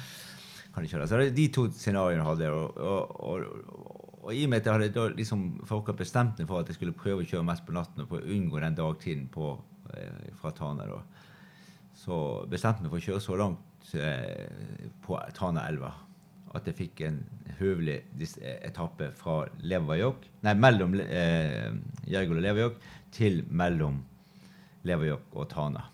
Sånn at jeg kunne stile basen. Skjønner du? Ja, ja. ja. ja. Og, eh, og det gjorde jeg, og det funket bra. Så jeg, jeg, jeg, vi har, det er jo artig å kjøre med Thomas, for Thomas han, er, han, eh, han stopper og slår av en liten prat hver gang vi kjører forbi hverandre. Så, så vi, vi, vi veksler ikke mange ord, men det er nok til at det, det føles fryktelig trivelig, og vi utveksler litt erfaring. og sånt, sant? Så han, han, han stopper jo, vi prater litt eh, når jeg ligger på Taneelva der. Da har han ligget rett bak og hvilt. Og eh, ja, vi ses i Levi også. Og så tenkte jeg ja, det spørs det, sa jeg. jeg sa ikke det, da, men jeg tenkte det. Nå tror han, nå tror han at jeg skal på hvile i Leverjord, men Ja, det tar hans ja, gamle ja, feil. ja. Han, så når jeg kommer til Leverjord, og han står og så har veterinærsjekk, vet, og så, og så kjører jeg bare forbi ah, Nei, så rister han bare på hodet. Ja, ja, ja. Det var litt artig. Ja. Og da følte jeg ok, nå er vi så terge litt gutt, storguttene litt. Grann. Det var. For da hadde jeg fremdeles ingen sånne store ambisjoner om at jeg skulle være helt i toppen. og kjempe i toppen. nei, nei, Jeg, jeg, jeg, jeg, jeg hadde litt gøy. Ja, jeg må få lov å si der at vi, vi har jo kontakt med kjørerne og greier hele veien, vi som er i media, følger tett på. Og så, og så snakker vi med Thomas på telefon. Ja. eh, og, og, og Thomas han eh, Ja, åssen går det, Thomas? Jo, jo, jo. Men, men Tom Frode, Tom Frode over til Tana. Nei, passerte Tom Frode opp på, opp på fjellet. Og de var, de var veldig slitne. Jeg tror ikke han, nei, de var veldig slitne. altså. Stakkars Tom Frode, liksom. Det, ja, å nei, det å, å. Men så, og, så, og så ringte han litt seinere. Akkurat samme scenario. Nei, passerte Tom Frode på sporet. Nei, de var litt, virka litt slitne og slikt. Men Thomas, dette her sa du for flere dager siden òg. Altså, du sa, det er tre dager siden sist du sa det, men du er jo her enda. Ja, nei, han var, var, jo, var jo der, da. Ja, ja, ja, nei, men Så det var, det var At du greide jeg, så satte han litt ut da, på det, tror jeg. Ja, det var litt, artig- det var litt artig. Er Ikke mer å være slem, men du, skjønner poenget. Det her er skøy. Det er et spill som er bare positivitet i det. Det her, det her er skøy. Ja, ja. Man, man, får vekke den litt. Det er jo, altså, nå er jo Thomas Det viser at han er en liten klasse for, for seg, men han er ikke uslåelig. og det er, det er, Plutselig er det den som slår han. sant? Mm. Og, og det her er litt en måte å vise på at eh, ja, OK, Thomas, du må skjerpe. Du kan ikke bare sove på løperen. Du må fortsette å utvikle du også. For det, det skjer ting i sporten, og det, det, det, det er mulig å, å gjøre grep som kan snu opp ned på ting. Ja, selvfølgelig så er det jo, er det jo slik at, eh, at eh, vi har sett det. Historien er full av det. Du har et kjempegodt spann. altså det, det, Harald Tunheim, vi har sett veldig Mm. mange kjøre. De har et kjempegodt spann, kommer opp og virker uslåelige tre, to, tre, fire år. Mm. Men så blir de borte igjen. Uh, og det handler jo om at du har den toppen, det gode spannet og de superviktige lederne. Ikke sant? Ja, Nå tror jeg Thomas er i stand til å holde det litt lenger med en ny gjeng. Det, det må jeg skrive. for. Han er jo fryktelig dyktig hundemann. Ja, ja, ja, det kan godt hende. Det vil jo neste år vise, da. Mm. Der er VM og disse K2 og Bark også, dere som har gjort alt. De, de er jo ikke med da. De er for gamle. Mm. Det vil jo se. Det, kanskje, kanskje ikke. Men OK, du kommer til Tana, og stopper ikke der. Nei, det, da fant jeg ut at det var, det var veldig ok jobb. Og, og, og da, da, planla jeg at jeg skal ha en Da har jeg kjørt fra Jeg har kjørt eh, ca. fem mil til inn til eh, Tana, kjører rett igjennom, og så bestemmer for å kjøre ca. tre mil til, så den får en, en åtte mils etappe. Ja, 25-25 timer og sånt kjøring. Og så legger jeg meg og hviler der, og, og, og følte da at det, og da følte jeg da at jeg, at jeg måtte begynne å gi litt lengre pause til hunder. da. Eh, Og da eh, tror jeg ga den fire og en halv time. Og så kjørte jeg til Neiden. og Hundene så ganske kvikke ut når vi kom på Neiden. Men eh, jeg har vel en følelse av at da har jeg tappet jeg har tappet litt for mye ut av spannet. Og jeg prøver liksom å spole det helt kanskje tilbake til, til starten. At jeg kjørte litt for fort. Og de to timene var kanskje litt for kort. skjønner du? Så at, ja, det du sier, første, eh, løpets første døgn er viktig. Så det kan hende at jeg måtte betale litt tilbake bak igjen. da. Men så, så kjører vi ut, da. Jeg kjører ut ett minutt før eh, Thomas fra Neiden. Og han kommer jo ganske fort etter. vet du. også. Og Thomas liker jo å kjøre for oss. Han kjører forbi meg, og så kjører han. Og så har vi verdens triveligste kompistur over fjellet der. Vi kjører i lag 14 km i timen stort sett. Og måneskinn, klart, ikke et vindpust. eh, I den vakreste delen av Finnmark, eller en av de vakreste delene av Finnmark. Var Helt magisk. Så jeg tror både jeg og pratet med Thomas etterpå, så han syntes også det var en fantastisk trivelig tur. Jeg følte det liksom som at det var to kompiser var på tur. Og spennene var like store, de gikk like fort. Ja, ja, ja. Helt Helt likt. likt. Utgangspunktet videre Helt- var helt likt. Ja. Og hva var det du gjorde, og hva var det han gjorde? Ja. Der kommer kanskje neste, sånn neste feil for da- For det, det, det tok vel seks timer og et kvarter tror jeg, å kjøre over til, øst, til, til, til Vagetem, da, til Pasvik der. Og da, også, da velger jeg også å kjøre. Så nå skal jeg terge. Nå kjører jeg gjennom her òg. Men i forkant til det så har Thomas tatt en av sine små pauser. Genialt. sant? Han kjører over eh, ja, kanskje halvannen mil før vi kommer inn til Pasvik. Så legger han seg ned, og så hviler han et par timer. Der er hans genistrek, tror jeg. For da holder han spannet oppe etter 16 timer. Sant? Mens jeg presser litt for langt ut. Jeg drar for langt ut. Men nå, når jeg snakker sånn som dette her nå, så blir det på en måte feil. For nå sier jeg liksom at mitt spann og Thomas' spann er helt likt. Men det er de ikke. Nei, det sant? det. Så du må være klar over det. at Ja, Thomas' ja. spann har, har mer eh, ressurser og, Mm. og, og, i, Ja. i kroppen enn det mitt spann har. da. Men allikevel så kan du se tegn i den sammenligningen som jeg gjør. sant? Uh, så når jeg da kjører gjennom uh, Pasvik, så har jeg bestemt at jeg skal kjøre over alle vannene og så legge meg og hvile på andre sida. Og så skal jeg prøve å få hvert fall litt sånn dagtid-hvile der. Men da har jeg allerede lagt ut oppi hodet mitt og diskutert på telefon med, med Helga hvordan vi skal, hvordan, hva som er smart å gjøre. Og da, da, da tenker jeg men nå er jeg så godt i det å kjøre gjennom eh. Jeg fortsetter med det. Og så prøver jeg å stjele en base til. Eh, Så da bestemmer jeg at eh, hvis jeg, hvis jeg da hviler der, så har jeg bare kan det bli fem-seks mil til, til, eh, til Kirkenes. Kjører gjennom Kirkenes og kjører opp på fjellet og, og hviler der. Og så kjører eh, eh, forbi eh, Neiden og, og hviler opp på fjellet der. Og så kjører jeg forbi Varangerbotn og hviler der. For den siste fra Varangerbotn til Leverjokke er tolv mil, og det er galskap å kjøre den i ett. Akkurat samme som i starten der. Det, ja. Og Ralfen vet i hvert fall det, for han prøvde det for et år siden. Og det, det smalt tilbake så det bare skreik etter. Så, eh, så, så, så, sånn, da hadde jeg delt opp løpet i hodet mitt, hvordan jeg skulle gjøre det. Så Det er bakgrunnen for at jeg, kjørte de timene. Så kan det liksom i ettertid skulle det ha vært en halvtime der. skulle en time der. Jeg tror nok at jeg tok, jeg tok en dryg fem timer mellom eh, eh, Varangerbotn og Leverjokk. Den kunne nok ha kappa ned til 3,5-4, tror jeg. Og da hadde jeg kanskje hatt et forsprang til, til Daniel, da, sånn at jeg hadde kanskje sluppet den kampen på slutten. Kanskje. Men det, man vet jo ikke. sant? Nei, Men, nei. men det, sånn, i etterpåklokskapens ånd så, så ville nok kanskje det være smart. I tillegg til det så burde jeg ha Jeg kvitt også litt for lenge. Det tok seks timer opp på fjellet mellom, eh, mellom eh, Neiden og Varangerbotn. Men da følte jeg at hun var litt nede. Jeg tenkte- så var ikke den pausen jeg fikk der, så ideell som jeg håpet. Jeg hadde, jeg kjørt der, Thomas kjørte forbi meg, og da ble jeg litt derpå også, for han hadde så fin flyt i spannet mitt, og mitt var ganske nede da. Så da tenkte jeg de trenger litt mer pause. da. Og så Den plassen jeg fant, var veldig fin. Sola rett imot. Men etter jeg hadde lagt dem ned, så begynte det å blåse. Så jeg fikk litt trekk på seg. Det, det er også ting som du liksom Ja, ja. plutselig detter ned fra over hodet på deg, som du ikke har helt kontroll over. Ja. ja. Men får du et inntrykk? Hvordan jeg har gjort? Tenkt? Ja, ja, ja. Jeg sitter bare og prosesserer dette her. ja. Eh, men inntil mål, så da kommer du over til vest, at, og der er det fastlåst. ikke sant? Det er ikke noe mer rom for noe taktikkeri. Det er bare å kjøre sjekkpunkt, sjekkpunkt på grunn av reglene. og Ja. Kommer til mål. eh, men, men, men, men eh, OK, oppsummert. Uh, hun skal oppsummere løpet når du kommer til mål, så er det bare å se på bikkjen. Mm. Så brutalt er det. Åssen ser bikkjen ut?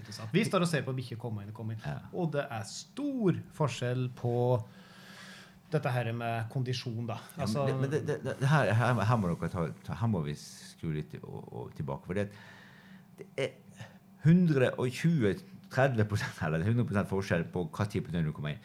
Kommer du inn på kvelden, litt lavere temperatur Hundene kommer brum inn. Kommer du inn midt på dagen i tolvtida der Mm. da Hundene etter Ja, midt i varmen, ja. ja. Jo, men du, du, du, mis, du misforsto spørsmålet. Jeg, jeg tenker nå på bodyscore. Altså sånn, ja, ja, ja, ja, Nei, altså, kommer du inn i solsteiken, så går de jo og sjangler. Ja. Kommer du inn om kvelden, så Ja, jo, jo. Ja, ja. Ja, selvfølgelig. Men, men jeg tenker på eh, når du kommer i mål, over mållinja, stoppe, legge ned ankeret, Mm. Da, da, da er dommen. Hvor god hundemann har du vært? Og jeg mener at det er noe til det. Og det har vært så stor forskjell. Uh, noen bikkjer kommer over målstreken, og, og det er ribben langt uti i været, og de ser nesten ryker opp på midten.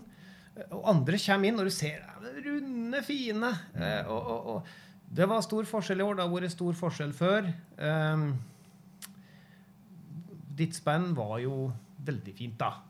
Jeg fikk mye skryt av veterinærene når jeg kom inn, for dette, men det var så godt hold. Det, det, det varma. Det er veldig deilig å vite det. At det, at det var, var Var det genetikk? eh, det Nei, jeg har Nei. noen fryktelig dårlige spisere. Ja. Og, og her tror jeg at eh, jeg, har, jeg har et kull der som jeg, hadde, jeg var livredd når vi kjørte ut fra starten. For det, har, vi har slitt med det fra jeg var født med for mat i dem. Eh, og hvordan skal jeg klare å holde dem i vekt? Men det, det, det gikk greit. Og jeg tror her er det det enkle som gjelder. Også. Jeg så, fikk vel inntrykk av at veldig mange gikk over til en fôringsplan hvor de dropper å tine mat, opp og sette i gang vann, vannkokeren. Jeg ga bare kald mat fordi det var så varmt. Sant? Men jeg, jeg gjorde ikke det. Jeg, jeg prøvde å holde meg til så likt som jeg gjør hjemme. Sånn at hundene fikk eh, samme, samme rutine. Jeg, jeg tinte opp maten, jeg satte i gang fôrkoker, kokte vann, la over frossen mat, fikk tint opp maten, lagde en tjukk suppe, hadde tørrfôr i hver skål og, på toppen, og, og hundene åt hele tida. Og jeg tror at det var det som berga mine hunder. da. Så, Og at jeg holdt meg til, til det kjente og sikre. Og, og, ja. så, men jeg, jeg må si det at jeg, det her må jeg lese meg opp på og lære litt. Jeg er fryktelig usikker på hvordan jeg lå an i forhold til rett fôr til rett temperatur. Der, der, er det, der er det nøkkel som jeg ikke har helt kontroll på. da. Jeg, jeg brukte det jeg hadde lagt opp til, og noe av det var ganske fett, fett mat. Jeg hadde mye fisk faktisk med meg, eh, som jeg ikke har brukt så mye før. Men det, han, Stefan Falter fra Kirkenes har sponsa meg med 500 kilo pukkellaks i sommer. Så jeg var oppe og henta i sommer et billass med, med pukkellaks. Og, det, og det, det hadde jeg jo å fôre på. Det, og det er jo ikke, er ikke så fettholdig, og det, var en viktig del av, av snackingen. Så det var kanskje ok. Men hvor mye skal jeg gi ut av denne kalkungumpen? Hvor mye skal jeg gi av det feite eh, kyllingskinnet? Og, og noen hunder ble litt tynne, og dem får jeg opp med hvalspekk, som er en ekstrem kaloribombe. Og i den varmen, hva kan, hva kan skje? Kan jeg slutte å spise helt? Ja. Det, så- skjønner du? Det, Ja. det er ikke så enkelt, det der. Men jeg, jeg, jeg brukte magefølelsen hele tiden og følte at jeg lyktes litt med det. da. Ja, for du hadde ikke noe diaré? Ingenting. Nei, ingenting. Ja. ingenting. Absolutt, ikke et gram. Og det, og det, og det, og men det har også litt med det med, med kjøreplan da, sant? For du, jeg, Jo, men jeg, har ingen, det, Den lukter ikke på en eneste annen avføring. Jeg skal, jeg skal utfordre litt på en ting nå, Tom. Ja. Du er jo mye mer eh, Du er en veldig rutinert hundekjører. eh, Og du har kjørt mye, og du, du har reflektert og alt dette her. Og, og du har helt sikkert tenkt veldig mye tanker, mye større tanker òg. Filosofiske tanker, og du utvikler det. I bunn og grunn så handler det om langdistansekjøring. Det handler om den kontakten du har med bikkja. Og det er som du aldri blir utlært på. ikke sant? Men jeg har en liten teori, for jeg har jo kjørt noen løp sjøl og, og tenkt mye og, og fulgt med. Og, og, og, det har jo vært mitt lodd i livet, dette her, denne bikkjekjøringa. Men jeg har skal, jeg- skal, skal, jeg få, skal, skal jeg spare ut en påstand til her? Og jeg, jeg mener at magen, både hos mennesker og dyr, er jo eh, det mest kompliserte. Mer komplisert enn hjernen. Altså magen og sammenhengen mellom dette her. Og, og alle hundekjørere vet hva stress de har for noe. ikke sant? Bikkjene blir stressa, og så, og så, en tilbake på bikkjene er jo bare et speil av deg sjøl. De er bare et speilbilde. Er du glad, da er bikkjen glad. Er du trist, blir bikkjen trist. Er du stressa, blir bikkjen stressa. Er du stressa, hva skjer? Ikke sant? Magen reagerer med en gang. Og jeg har opplevd sjøl på løp noen ganger at jeg har slitt veldig mye. Og så har jeg til slutt bare sagt nå gir jeg bare blaffen. Skulle egentlig ha brutt. Dette er et tragisk løp. Nå skal jeg bare kjøre på tur og rusle til mål. Jeg bare senker skuldrene og begynner å jobbe. Og poff, der sitter jeg. Ingen diaré. Alt går helt på skinner. Og får klippet av den derre mm, Skjønner du? Skjønner jeg mener? Og dette her jeg hører at du sier at du har hatt et fantastisk løp, du har kommet i me- mental balanse, du har vært på en positiv flyt hele veien, spennende, du har vært innovativ, du har opplevd mestring, du har vært en sånn god, god, god drive. Har det noen sammenheng med at du ikke har hatt diaré? Det var, spennende. Jeg, har ikke tenkt den tanken, men jeg kan ha det. Helt klart. Ja. Jeg kan ha det. Jeg kan ha det. Eh, For, for, for når du kjører løp, så er det jo mye tanker, det er mye energier, det er mye stress. ikke sant? Pum, pum, pum, du skal prosessere dette, her, og du skal sende energien videre til lederbikkjene dine. Det var Kjell Smestad han sa en gang at det går en slik usynlig tjukk tråd fra magen din og bort til lederbikkjen, sa mm. Ja, en sånn usynlig tjukk tråd. Det er bare en sånn derre Du sender bare ut en sånn strøm av signaler fra magen. Ikke fra munnen eller hjernen, men fra magen din, sa han, og rett inn. Det sa Kjell Smestad. Og det har jeg tenkt mye på. Eh, og, og, og, jeg tror Ja, nei, du hadde ingen diaré. Eh, jeg mener at mye av den diareen som oppstår, er jo fordi at bikkjen er stressa. Jo da, men det, det er jo helt, helt klart det. Men så er det jo også det at det, det går sånne små, små influenser rundt omkring. Så det er jo, det er jo to, to sider. Man får diaré ut av det også. Jeg har jo opplevd det. Ja, men, ja, du, du, men altså, her er du blir smitta av dette her, da. Hvor blir du smitta av den influensaen? På sjekkpunkt? Veldig ofte på sjekkpunkt, tror jeg. ja. ja. Ja, det er en fordel. Er du ikke på sjekkpunkt, så blir du ikke smittet. Nei. Dette snakka vi litt om dette med smittespredning og, og maksimal kvalitet i hvilen. Men eh, litt avslutningsvis, vi snakker om Finnmarksløpet 2022. Tom Frode Johansen, treaplass. Eh, du kom i mål der, så var det litt slik der, ja, ja, ja, neste år er jeg usikker på om vi gjør det en gang til. Mm. Hva, hva, hva, hva, er dette her en, du har lyst til å bygge Hvorfor er du litt slik tveegga rundt det, da?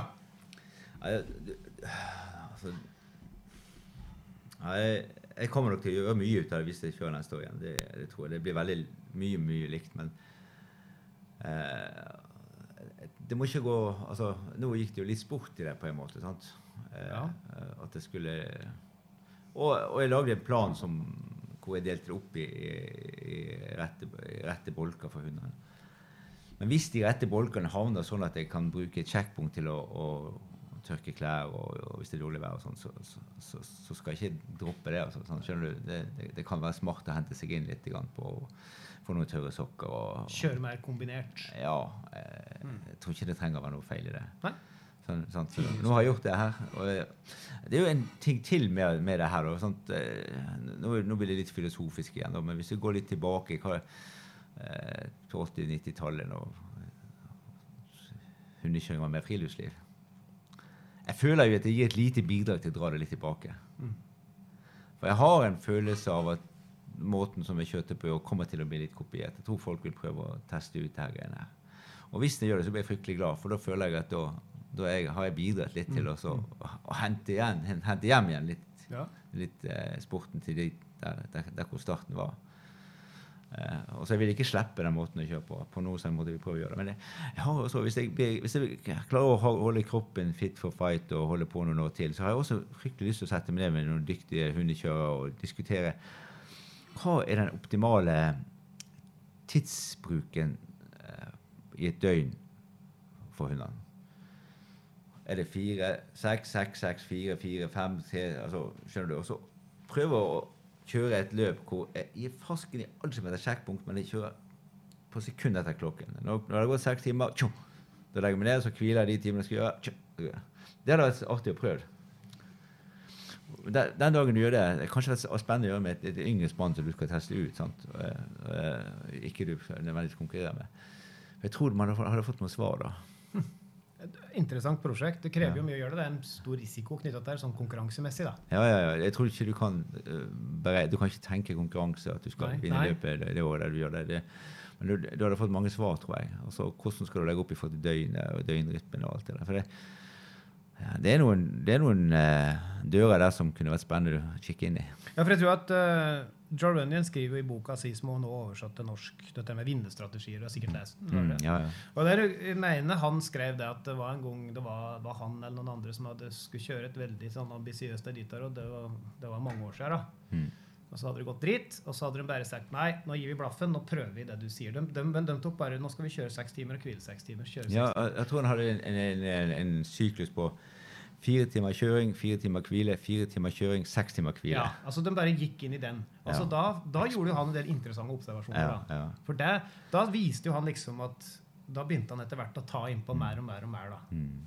Så, så det er jo Ja, det, det, det er det som har inspirert meg i, i den tanken nå, tror jeg. Men jeg tror at, jeg tror at jeg skulle sittet med ned med folk, og så skulle vi prøvd å få lagd en sånn tidssyklus som, hvor du tok hensyn til eh, tida på døgnet. For det er en sånn brutal forskjell. og Jeg tror ikke den der klimaendringene vi har sett de siste årene kommer til å gi seg. Jeg tror vi kommer til å oppleve mange år med ganske milde dager på Finnmarksløpet og andre løp. Så, så da er det, det kunne vært veldig spennende å liksom komme frem til hva tid hvordan kan du lage en plan hvor du utnytter døgnet best mulig, og hvordan klarer du å gi hunden en optimal hvile. Så er det sikkert Om jeg kommer frem til et svar der, sant, så er det et annen gjeng som trener hunden helt annerledes, og som ikke den, det vil eh, funke for. Så du må jo bare gjøre det for deg sjøl.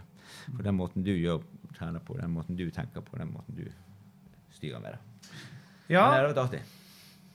ja det blir jo en fin avrunding på, på, på, eh, på denne her praten her, Tom Frode. Um, Men, men eh, vet, vi skal avslutte nå. Eh, Men, men, men før vi avslutter, så, så tenker jeg det at eh, sporten og, og framtida, da. Eh, Hva tenker du er de største utfordringene hvis du skal rangere Vi har mange utfordringer i, i Finnmarksløpet. Vi har samfunnet utafor. ekstreme urbaniserte holdninger som menneskeliggjør dyr, og som syns at det vi driver med, er veldig sånn på sida og er veldig sånn på alerten hele tida. Følger med. Eh, ekstreme organisasjoner de kommer jo mer og mer ikke sant? ettersom samfunnet blir mer og mer gjennomsiktig. Og, og, og vi, så vi har liksom denne dyrevernutfordringen, kan vi kalle det. da. Og vi har klimaendringer som, som gjør at eh, vi får vanskeligere for å trene mer is. Stuttere vintre. Eh, I år måtte vi avlyse maraton for første gang på, på veldig mange år pga. det. Snømangel det har aldri skjedd i Gausdal før. Så vi har klimaendringer, og så i tillegg så, så har vi nå et samfunn som, som, som får mindre overflod. Drivstoff og strøm. Eh, En vanlig hundekjører får mindre å rutte med eh, fordi at det er så mange andre kostnader. Nå blir maten dyrere. Eh, Så, det blir dårligere økonomi, det blir dårligere tider. Vi har klima mot oss, vi har deler av samfunnet mot oss. Men hva tenker du er den største utfordringa? Sitter vi her om ti år, eller er, er dette her bare en slik epoke som blir borte? Langdistanse i, i, i Europa. Uff, det var et, eh, en brutal utfordring du har med det. For jeg, jeg eh,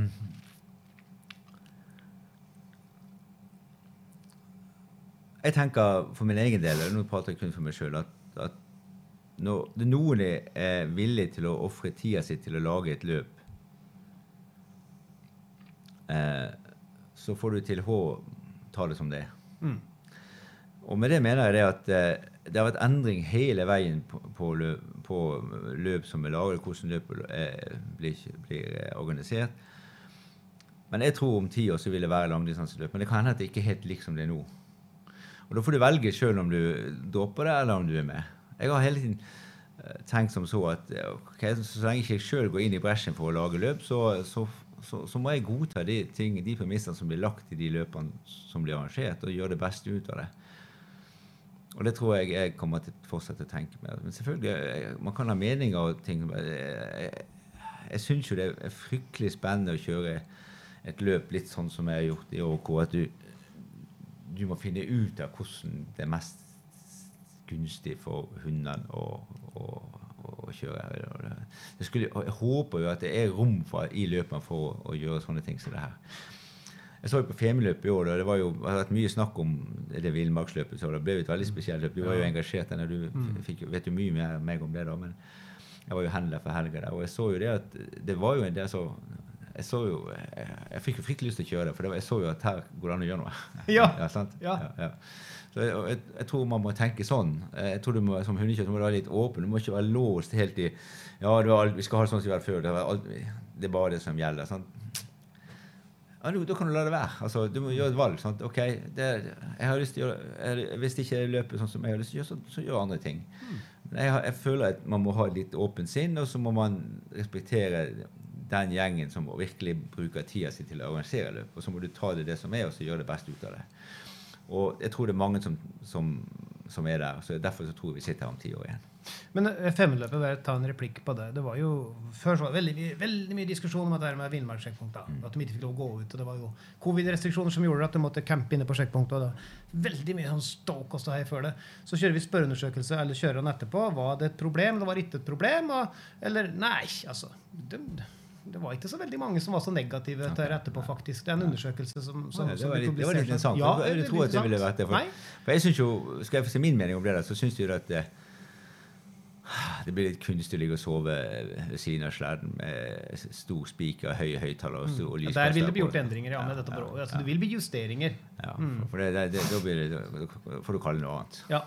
Men, eh, men altså, Finnmarksløpet, da, som, Ja. som tross alt er der vi, vi altså, altså Finnmarksløpet er jo det største og, og om ti år eh, Hvis vi bare spiller ut ekstreme scenarioer her Ett scenario, da er det eh, eh, hundepool, og det er bobiler. Vi kjører fra destinasjon til destinasjon.